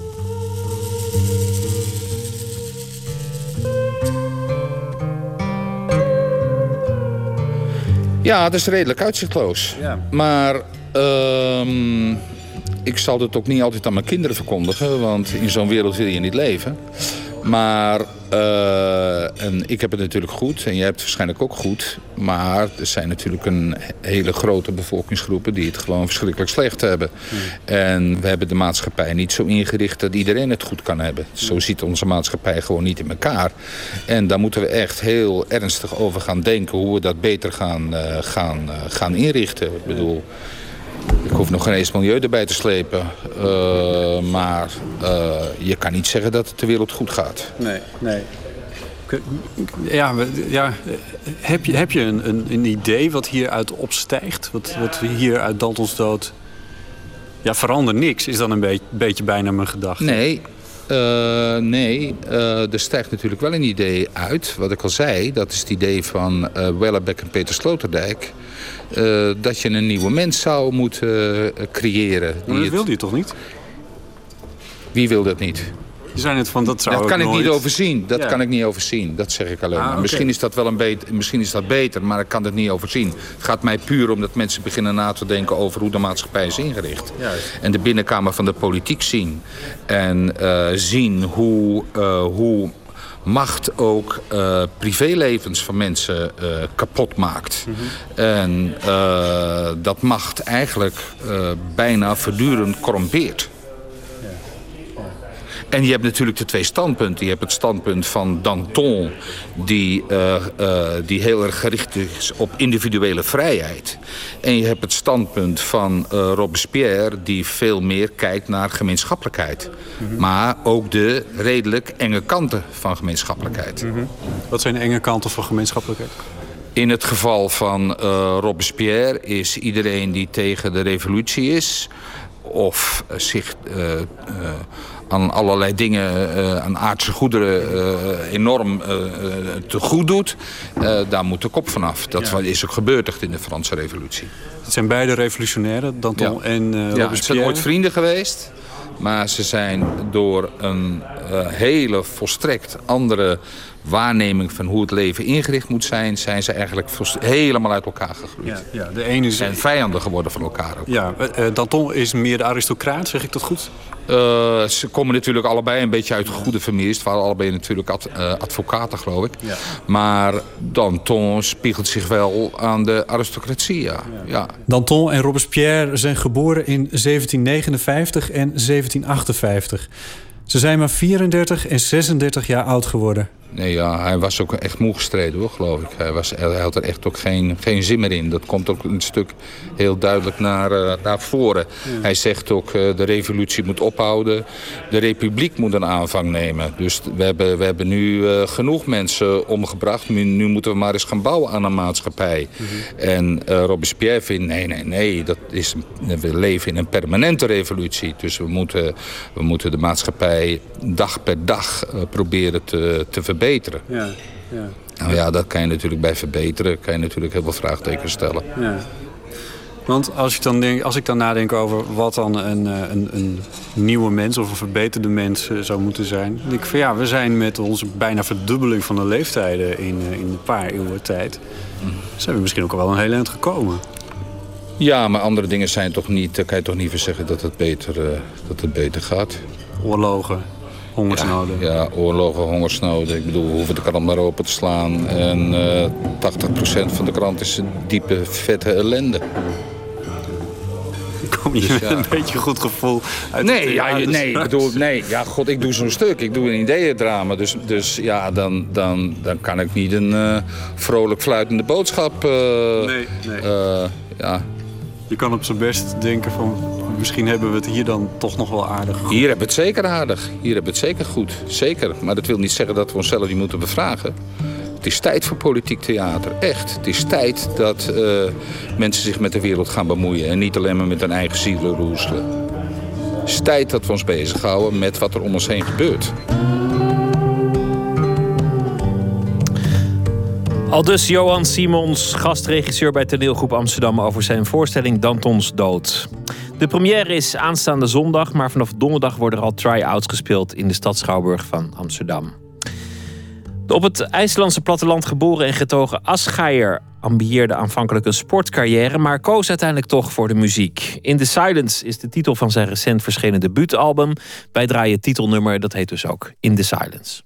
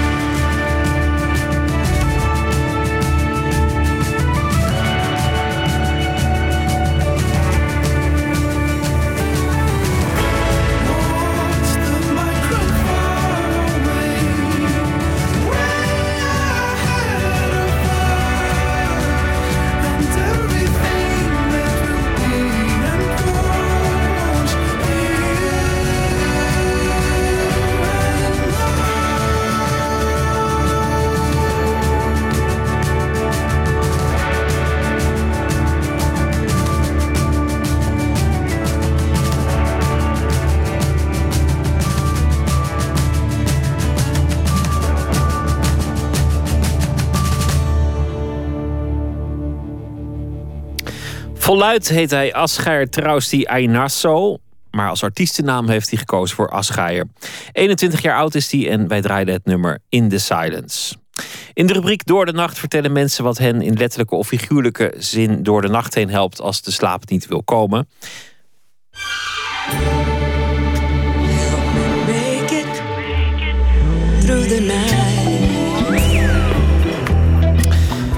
Die we vannacht voorleggen aan zangeres Beatrice van der Poel. Zij is momenteel in de theaters te zien samen met Marcel de Groot in de muziekvoorstelling Voor we verder gaan. Muziek heeft heel erg met emotie te maken. Het, het, het is een soort taal. Een andere taal dan spreektaal. Je kan van een bepaalde akkoordenreeks... Kan ik, ja, daar kan ik gewoon zomaar ineens van gaan huilen. Dat, dat raakt dan letterlijk de gevoelige snaar. Komt niet voor niks. Die, die, die term is ook aan muziek of muziekmaken ge- gelieerd. Als ik nu denk aan... eh, ja, ik heb een aantal liedjes in mijn hoofd... Waar, wat ik echt opzette als ik in, in, ja, in verwarring was... of eh, zocht naar iets of niet wist wat ik dan zocht... of eh, verlangde naar iemand... of mijn liefde was net uit of whatever. Ehm, ik heb wel nu specifiek één liedje in mijn hoofd... wat, wat voor mij heel erg eh, eenzaamheid... eh, ehm, in, in, in, in klanken verwoord. En dat is eh, een, een liedje wat oorspronkelijk van Chris Christofferson is. Help Me Make It Through the Night. Alleen al de titel, hè, dat gaat over... Het is een soort wanhopige titel van hoe kom ik door de nacht. Maar het liedje eh, kan ook over twee mensen gaan die bij elkaar eh, troost zoeken. Dus misschien gaat het wel over eh, een soort vreemd gaan. En dan stel ik mij dat voor dat dat in een motel ergens... eh, in een eh, woestijn, een, eh, zo'n lange, lange weg... en daar sla je af en je komt op zo'n parkeerterrein... een gordijnen sluit je op zo'n motelkamer... en daar vinden twee mensen troost bij elkaar. Chris Christofferson en Rita Coolidge. Ik hoop dat ik het goed uitspreek. Shake it loose,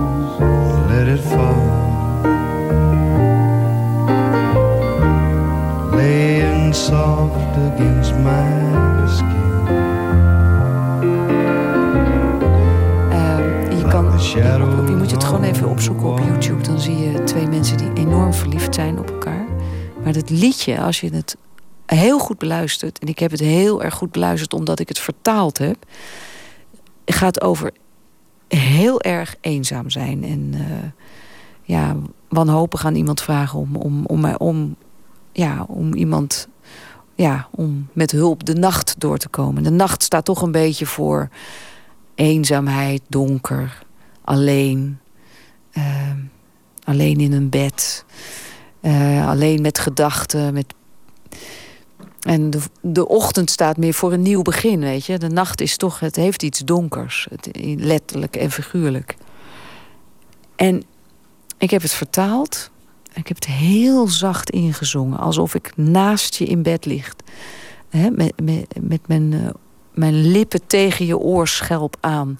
Help me heel huids door de nacht. Ehm, en dan komen op een gegeven moment eh, de violen in en de mellotron. Dat is een beetje zo bij elkaar gemengd. En elke keer als ik het terug hoor, dan moet ik een beetje huilen. Help me heel huis door Wie maalt er nou om goed of fout?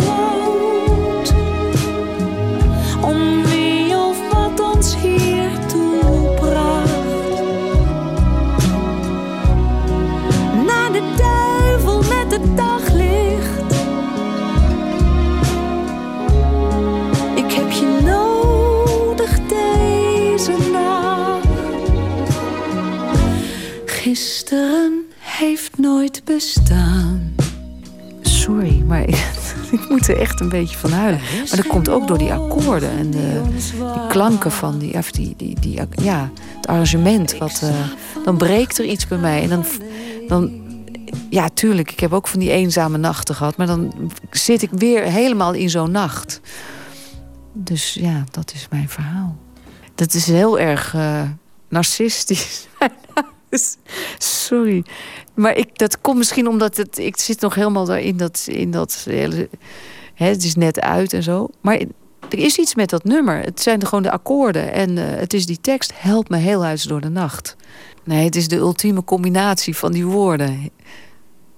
Help me, nou, dat is wanhoop. Heel huid, ongeschonden. Uh, op de huid of, of iets van dat je er, ja, weet je, dat je het overleeft, alsof dat je er ergens heel erg tegenop ziet. En de nacht, ja, de nacht is, uh, is, is, is een heel romantisch, maar ook, kan ook zo vreselijk ellendig zijn, eenzaam. En ja, ik zie, ja, ik, ik voel het weer meteen, dat moment dat ik ooit een keer heb gehad. Maar die combinatie met die akkoorden. Maar dit lied gaat echt specifiek over dat je troost zoekt bij elkaar. En dan, ja, of dat lichamelijk of uh, geestelijk troost is. Maar het is, ik zie dat wel helemaal als een film stil vormen. Ik zie het echt als een film vormen. Twee mensen die, uh, die elkaar misschien net in de bar... Uh, om een uur of twaalf, of dat de bar dicht ging om een uur of half twee... nog de laatste, laatste biertje laten inschenken en dan waggelend in zo'n uh, hotelkamer belanden en dan maar tegen elkaar aankruipen en elkaar uh, dan weet je wel om de nacht door te komen. En dan is het, ja ik, het blijft romantisch maar het heeft ook iets heel triest ja.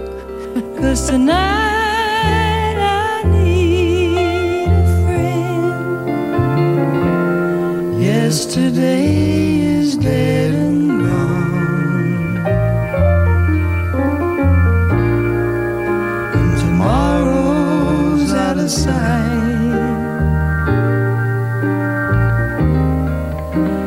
it's bad to be alone.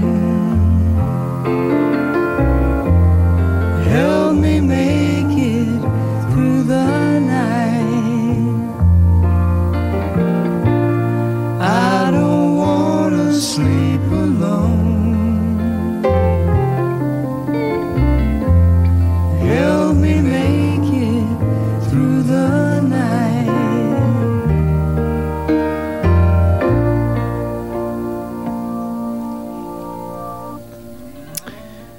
Ja, zo kom je de nacht wel door. Zangeres Beatrice van der Poel hoorde u momenteel te zien in de theater samen met Marcel de Groot in de muziekvoorstelling Voor we verder gaan. No Longer at Ease is de titel van het derde album van Neka, die in Duitsland wonende en in Nigeria opgegroeide zangeres die hip-hop, soul en pop weet te combineren tot een eigen stijl die wel weer wordt omschreven als post-soul. Van dat album No Longer at Ease draaien we Running Away. Yeah. Uh. So, because of you, music.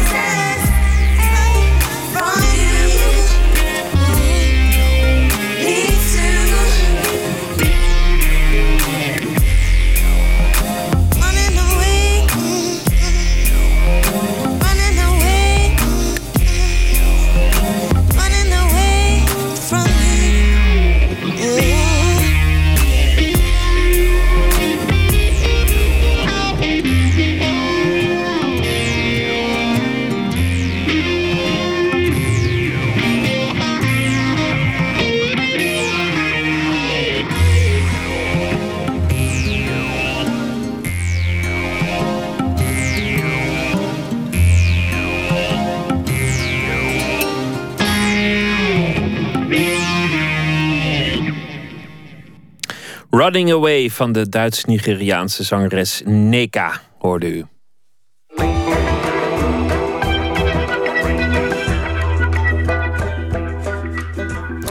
U luistert naar de VPRO op Radio 1, het programma Nooit meer slapen. Afgelopen oktober overleed zomaar uit het niets de Vlaams-Nederlandse schrijver Thomas Blondeau. Hij werd slechts 35 jaar oud. Een van de meest amabele en leukste mensen die ik ooit heb ontmoet. Hij laat drie romans achter en talloze columns, maar wat vrijwel niemand eigenlijk wist, was dat hij ook gedichten schreef. Tot vandaag, want er is een bundel verschenen, postuum. Mijn beste gedicht dat u nooit zult lezen, heet het. Een bundel die is samengesteld door twee mensen die de schrijver goed hebben gekend: Christian Weitz en dichter Ellen Dekwits. Verslaggever Tjitske Mussen sprak met hen. Na de eerste dag na zijn overlijden kwamen we eigenlijk online al bij elkaar. Eh, vrienden vonden gedichten van hem terug, teksten. Op Facebook werden natuurlijk verschillende in memoriams geplaatst, waarbij ook stukken poëzie van zijn hand. En op een gegeven moment hadden wij in november een avond voor Thomas, een herdenkingsavond in de brakke grond in Amsterdam, waarbij iedereen die hem kende en waar wilde over hem kon vertellen. En ehm, daar was zijn redactrice Suzanne Holzer van de Bezige bij, bij aanwezig. En zij dacht van, goh, misschien is het een goed idee om toch eens te kijken met wat we met die poëzieplannen die Thomas altijd al had, wat we daar nu nog mee kunnen doen. Of er een nalatenschap is. En eh, zo is het balletje aan het rollen gegaan.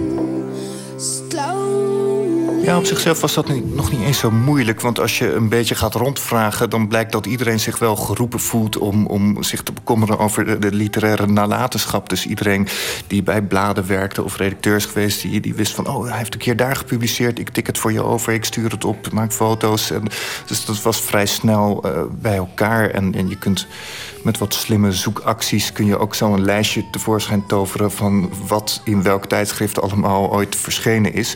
Dat, dat was dan één deel. Dus, dus de gedichten die hij zelf naar bladen heeft gestuurd... die daar gepubliceerd zijn. Dus die hij kennelijk goed genoeg vond om eh, uit te geven.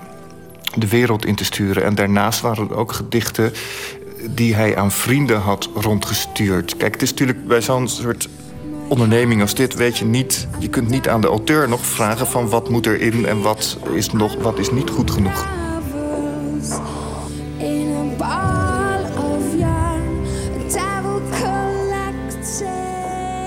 Zijn eh, romans vind ik zelf cynischer, eh, iets meer een satire op ja, de oprechtheid waar we allemaal naar streven, maar die we eerder gebruiken om in een go- goed eh, daglicht te komen bij onze omgeving waar we indruk op willen maken.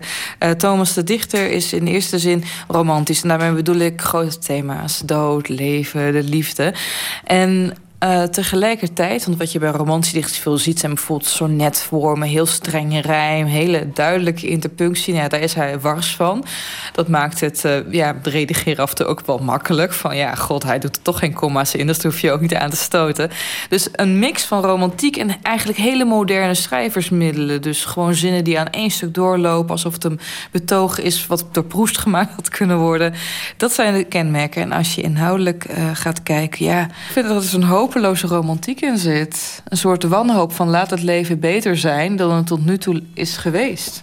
Hij is een meester in het verwoorden van de teleurstelling. En ik denk dat hij in het verwoorden daarvan ook een soort grip op de teleurstelling heeft gekregen. Kijk, eh, niet om eh, altijd veel dingen autobiografisch te willen duiden. Maar Thomas was een man die veel van het leven eiste. Van zichzelf ook. eh, daardoor vaak boos op zichzelf was. En ook van de mensen in zijn omgeving. En ja, zoals ik hem ken, heeft hij toch altijd wel gezocht naar de grote liefde.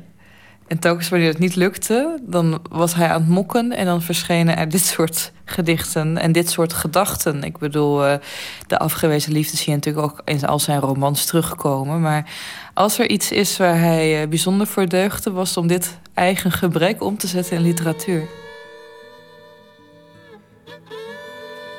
Voor G. Nooit iets anders verdiend dan de vlekken waarvoor ik vocht. Het gezeik in de doodskist, meer vlaggen in mijn verkleedkoffer dan honden in bossen achtergelaten.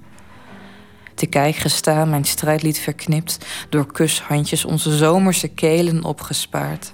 Maar de middagkreten deden hen schoksgewijs de trap afdalen, het huis verlaten, wijnglazen tikkend, knipogen heffend. Het is daar achter de boekenkast gevallen. In een envelop in een opengebarsten vijg. In vingerknippen, in zeven jaar wachten. Het blijft zoeken in lege koffers. En ik heb je meer te vertellen morgen... wanneer ik mijn blaaskaken uitgeluwd, mijn zak leeg is... en alleen ragfijn koperdraad uit het soebatten is te spinnen. Denk ervan wat je wil. Maar het is een arsenaal die naam waard. Het is een deur naderen die niet open gaat. Het is heel veel koperdraad dat koffers samenhoudt... en de vlekken aan elkaar naait. Het is het wachten op een deur die nooit open gaat. Het is het wachten. Het wachten, het wachten. Het is het wachten waard. Natuurlijk het, begint het lekker cynisch, hè? Nooit, meer iets verdient dan de vlekken waarvoor ik vocht. En er komt ook nog lekker romantisch een doodskist langs... en hondjes die aan bomen worden vastgebonden. En dan toch is er een ontzettende hoop aan het einde van het gedicht. Er is een soort uh, vasthouden tegen beter weten in het wachten waard zijn. En dat, dat vind ik heel mooi. De eerste keer dat ik een gedicht van Thomas las dat is wel een grappig verhaal. Want dat was namelijk bij Ilja Leonard Pfeiffer thuis. Daar kwam ik wel, eh, die kende ik, dronk ik vaak mee bij Café de Burgt. En Ilja woonde daar een beetje schuin boven. En als de burg dicht ging, dan gingen we nog wel eens bij hem thuis verder drinken. En op een gegeven moment lag daar de stapel met ingezonden kopij voor het blad De Revisor, waar hij redacteur was. En uh, hij ging over de poëzie. En ik wist wel dat Thomas poëzie schreef en dat naar de revisor had ingestuurd. En, en, Thomas kende Ilja toen nog niet. Toen ben ik in die stapel gaan zoeken en toen vond ik dat gedicht Parijs verslindt dagelijks zoveel duizend, zoveel honderd maagden. Uh, toen heb ik dat bovenop gelegd. Zeg, nou, hier moet je nog maar eens even naar kijken. Is volgens mij wel interessant. Dus dat, dat is. Uh, en toen is die regel wel blijven hangen. Van Parijs verslindt zoveel maagden. Ik denk, wat betekent dat? Parijs die maagden verslindt. En altijd als ik in Parijs ben, moet ik natuurlijk nu aan die zin denken. Parijs als maagdenverslinder. Dus dat. Uh, toen wist ik wel. Ik heb het daar nooit over gehad met hem. Musée de Lom. Parijs vreet dagelijks 120 verliefde maagden. Smakkend langs lanen bijt ze hen de hoofden af. Droomgelei langs haar mondhoek en vingers in het nat. Zomer. Het was maar een heet zigeunergraf. Judith en ik, blauwoogig naar de schaamlippen van een inheemse op sterk verhaal. Het bewijs van hete bliksems stond er in bleek geschrift op een sokkel, benen wijd en afgebonden. Picasso scherpte zijn penseel en leunde achterover. Clichés was Hemingway en ook de ondergaande zon. Later sloegen we scherp en al bruggen en torens een potje wurgliefde en we wisten nog geen neuk over ooit een hete julidag en verstikken. Of hoe ik eens janken zou naar het bliksemkrikken Parijs schopt alle dagen 500 bedelaars in bestelwagens terug naar af. Plaats hun gouden ogen in de bek en bindt de benen af. Wat mij ook opvalt is dat zijn taal ook heel uh, sculpturaal, plastisch. Hè? Het is heel tastbaar. Het is die, uh, de, zijn, zijn manier van, van de taal uitgooien. Dat, dat bevalt me ook Kijk, romantiek is altijd een, een, een, een, verlangen naar iets wat teleurgesteld wordt, wat op de realiteit stoot. Dus en dan is Parijs natuurlijk bij uitstek de plaats daarvoor om die teleurstelling te, te beleven. Hij heeft natuurlijk wel, zoals Christian het opmerkt, gepubliceerd. Hè? Ook uiteindelijk in de revisor zijn zijn gedichten beland. Maar voor hem was proza toch meer het koninginnenstuk van de literatuur voor zover ik dat van hem weet. Ik had op een gegeven moment een gesprek met hem over het, uh, ja, het schrijven van dichtbundels. Het was op het moment, zou net Donderhart zijn tweede roman uitkomen. En ik zei van ja, ga jij ooit nog een dichtbundel uitgeven? Hij zei ja, ooit. Maar weet je, wat is er nou eigenlijk belangrijk aan poëzie? Per bundel heb je toch maar één gedicht van de veertig die je bijblijft. Dat is gezonde van de tijd. En uh, dat was eigenlijk wel een korte samenvatting van zijn houding ten opzichte van poëzie. Het was of alles of niets. Ik hoorde wel dat er een plan was geweest dat hij uh, na ex of misschien wel na Donderhart... eerst nog een poëziebundel had willen uitgeven... dat hij daar ook over gesproken heeft met iemand van de uitgeverij... dat er wel plannen waren. Maar dus, dus, die, hij speelde waarschijnlijk wel met die gedachte. Maar hoe concreet dat is, ja, kijk, eh, misschien is het ook heel praktisch. Eh, Wat verdien je aan een poëziebundel? Helemaal niks. Je moet toch proza hebben om als je hè, eh, ervan wilt kunnen bestaan. En zijn idee was toch ook wel om op een gegeven moment te stoppen met die baan die hij had als journalist bij dat universiteitsblad, zodat hij eh, vrij kon zijn en, en freelancer kon zijn. En hij deed al zoveel tegelijkertijd columns schrijven, eh, proza, interviews eh, in Nederland, in België. Hij was voortdurend eh, bezig. Dus het is ook een kwestie van daar de tijd voor, voor nemen. En de prioriteiten van wat moet je nou eerst doen. Eerst maar eens zorgen dat de kachel rookt. En dan kunnen we later nog wel eens wat gedichtjes doen. Misschien was dat zijn overweging. Wij hebben nu vooral gedichten geselecteerd op of hij ze zelf had aan de wereld wilde laten zien. In de vorm van of een literaire publicatie of in de vorm van het opsturen naar zijn vrienden. Maar bijvoorbeeld eh, laatst belde Thomas' moeder ons. Daar hadden we het manuscript af. Het was van de drukker en alles. En zij zei: Ja, ik heb twee gedichten van Thomas gevonden. En die, die hadden we nog nooit eerder gelezen. Die had ze gewoon op papieren stapel gevonden. Geen flauw idee wat, ze er, wat hij er eens mee wilde doen. Dus ehm, dit is natuurlijk een onvolledig werk. Maar wel het werk waarvan we zeker weten dat hij het ooit aan de wereld wilde kenbaar maken. Maar er zullen nog de komende weken, maanden, jaren heel veel gedichten optuiken. Thomas laat natuurlijk ehm, poëzie achter, een klein oeuvre, maar ook een laptop die ehm, beveiligd is met 30 wachtwoorden en nu door een worst in de familie wordt gekraakt. Dus wie weet wat we daarop vinden. Hij heeft ooit bij Cobra.be een stuk gepubliceerd... wat ook de titel is geworden... Mijn beste gedicht dat u nooit zal lezen. En dat schreef hij aan de vooravond van een optreden... bij een Zuiderzinnenfestival. Dus het is eigenlijk ook een soort inleiding op zijn eigen poëzie. En het is eigenlijk ook weer een heel romantisch stuk... waarin, eh, het, eh, kort gezegd, komt erop neer... dat hij in zijn jeugd als 16-jarige of zo... had hij een aantal gedichten geschreven.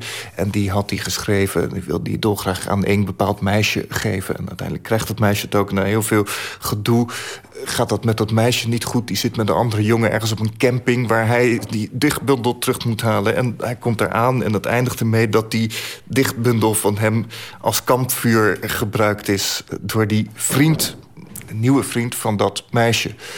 Of dat nou allemaal zo waar gebeurd is, kun je je afvragen. Het is in ieder geval een heel mooi verhaal. En ook een typisch Thomas-verhaal... waar de liefde letterlijk in vlammen opgaat. Hè? En, en dat ook nog gekoppeld aan zijn poëzie. En wat ik mooiste vind, is het, eh, het slot ervan... Dan zegt hij dat hij tot op de dag vandaag... probeert hij dat gedicht opnieuw te schrijven. Er kwamen eenden in voor, geloof ik. Eh, Prachtig slot vond ik dat. Dus, dus het is natuurlijk mooi dat er zo'n tekst is, want daarmee kan hij ook zijn eigen gedichten inleiden, uitleiden. Dus dat is heel mooi dat dat mee kon. Ja, en dan de, de, de titel wordt natuurlijk onverhoopt eh, profetisch mijn beste gedicht dat u nooit zult lezen. Hè? Dat, eh, ja. dat sloeg op die gedichten die hij destijds had geschreven... en die in vlammen waren opgegaan. Maar nu zijn het ook, eh, er zit ook iets in van het beste gedicht dat nog had kunnen komen. Bij Thomas heb je in al zijn werk, ik heb dat ook wel eens eerder geschreven, dat in ieder geval voor zijn proza-werk vind ik gelden dat het bij ieder boek beter wordt en sterker wordt. En, vooral dat laatste boek, het West-Vlaamse versierhandboek, dat was echt, dat is een, een hoogtepunt.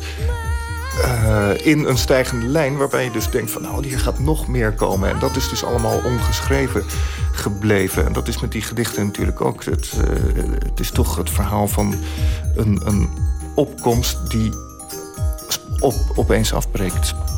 Je zou dit kunnen beschouwen als het begin van een nagelaten oeuvre wat nog boven tafel gaat komen. Niet alleen zijn er gedichten gevonden, er duiken steeds meer teksten op. En Thomas heeft natuurlijk ook als korte verhalenschrijver in de afgelopen jaren naam gemaakt. Er is ook wat uh, wel genoemd is... hij heeft ook een soort schaduwoeuvre geschreven, wordt wel eens gezegd. Namelijk, hij was heel goed in het schrijven van sms'jes, appjes, uh, e-mails. Uh, daar maakte hij altijd kleine kunstwerkjes van. En er is ook altijd nog het plan om dat schaduwoeuvre bij elkaar te rapen en daar iets mee te doen. Maar dat is voor de iets langere tijd. Kortom, hij heeft ons wel aan het werk gezet voor een aantal voor een tijd.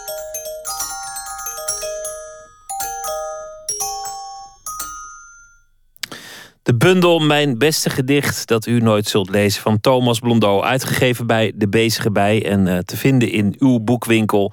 U hoorde daarover uh, Tjitske Mussen in gesprek met schrijver Christian Weitz en dichteres Ellen Dekwiets. Die allebei uh, Thomas goed gekend hebben. Een bundel dus postuum. Daarbij zijn we ook aan het einde gekomen van deze aflevering van Nooit meer slapen. U kunt ons mailen als u dat wilt. Nooitmeerslapen.vpro.nl Of ons via Twitter iets toestoppen. Het VPRO NMS. En uh, we zitten ook op Facebook. En we hebben een website vpro.nl slash nooit meer slapen. Morgen na middernacht dan zijn we weer uh, te horen op Radio 1. En dan komt jazzgitarist Anton Goudsmit op bezoek. Hij speelt mee als gastmuzikant met het strijkkwartet Sep 4 tijdens de concertreeks Poetic Dynamite. En we gaan het hebben over de verschillende manieren van musiceren, maar ook over de jazz, de gitaar en alles wat verder ter tafel komt. En we ontmoeten klassicus Piet Gerbrandi op het Begijnhof in Amsterdam naar aanleiding van zijn vertaling van Capellanus Rhetorica van de Liefde. En toneelregisseur Davy Pietersen is te horen over de voorstelling The Truth About Kate, waarin een jonge vrouw terugblikt op haar leven. Dat hoort u allemaal morgen. En wie weet uh, bent u er dan weer. Fijn dat u heeft geluisterd. Ik wens u nog een hele mooie nacht en morgen wens ik u een hele mooie dag.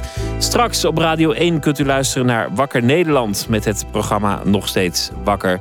Ik noem nog even de website, dat had ik net ook al gedaan, maar voor, gewoon voor de zekerheid vpro.nl slash nooit meer slapen. Ik wens u een hele goede nacht.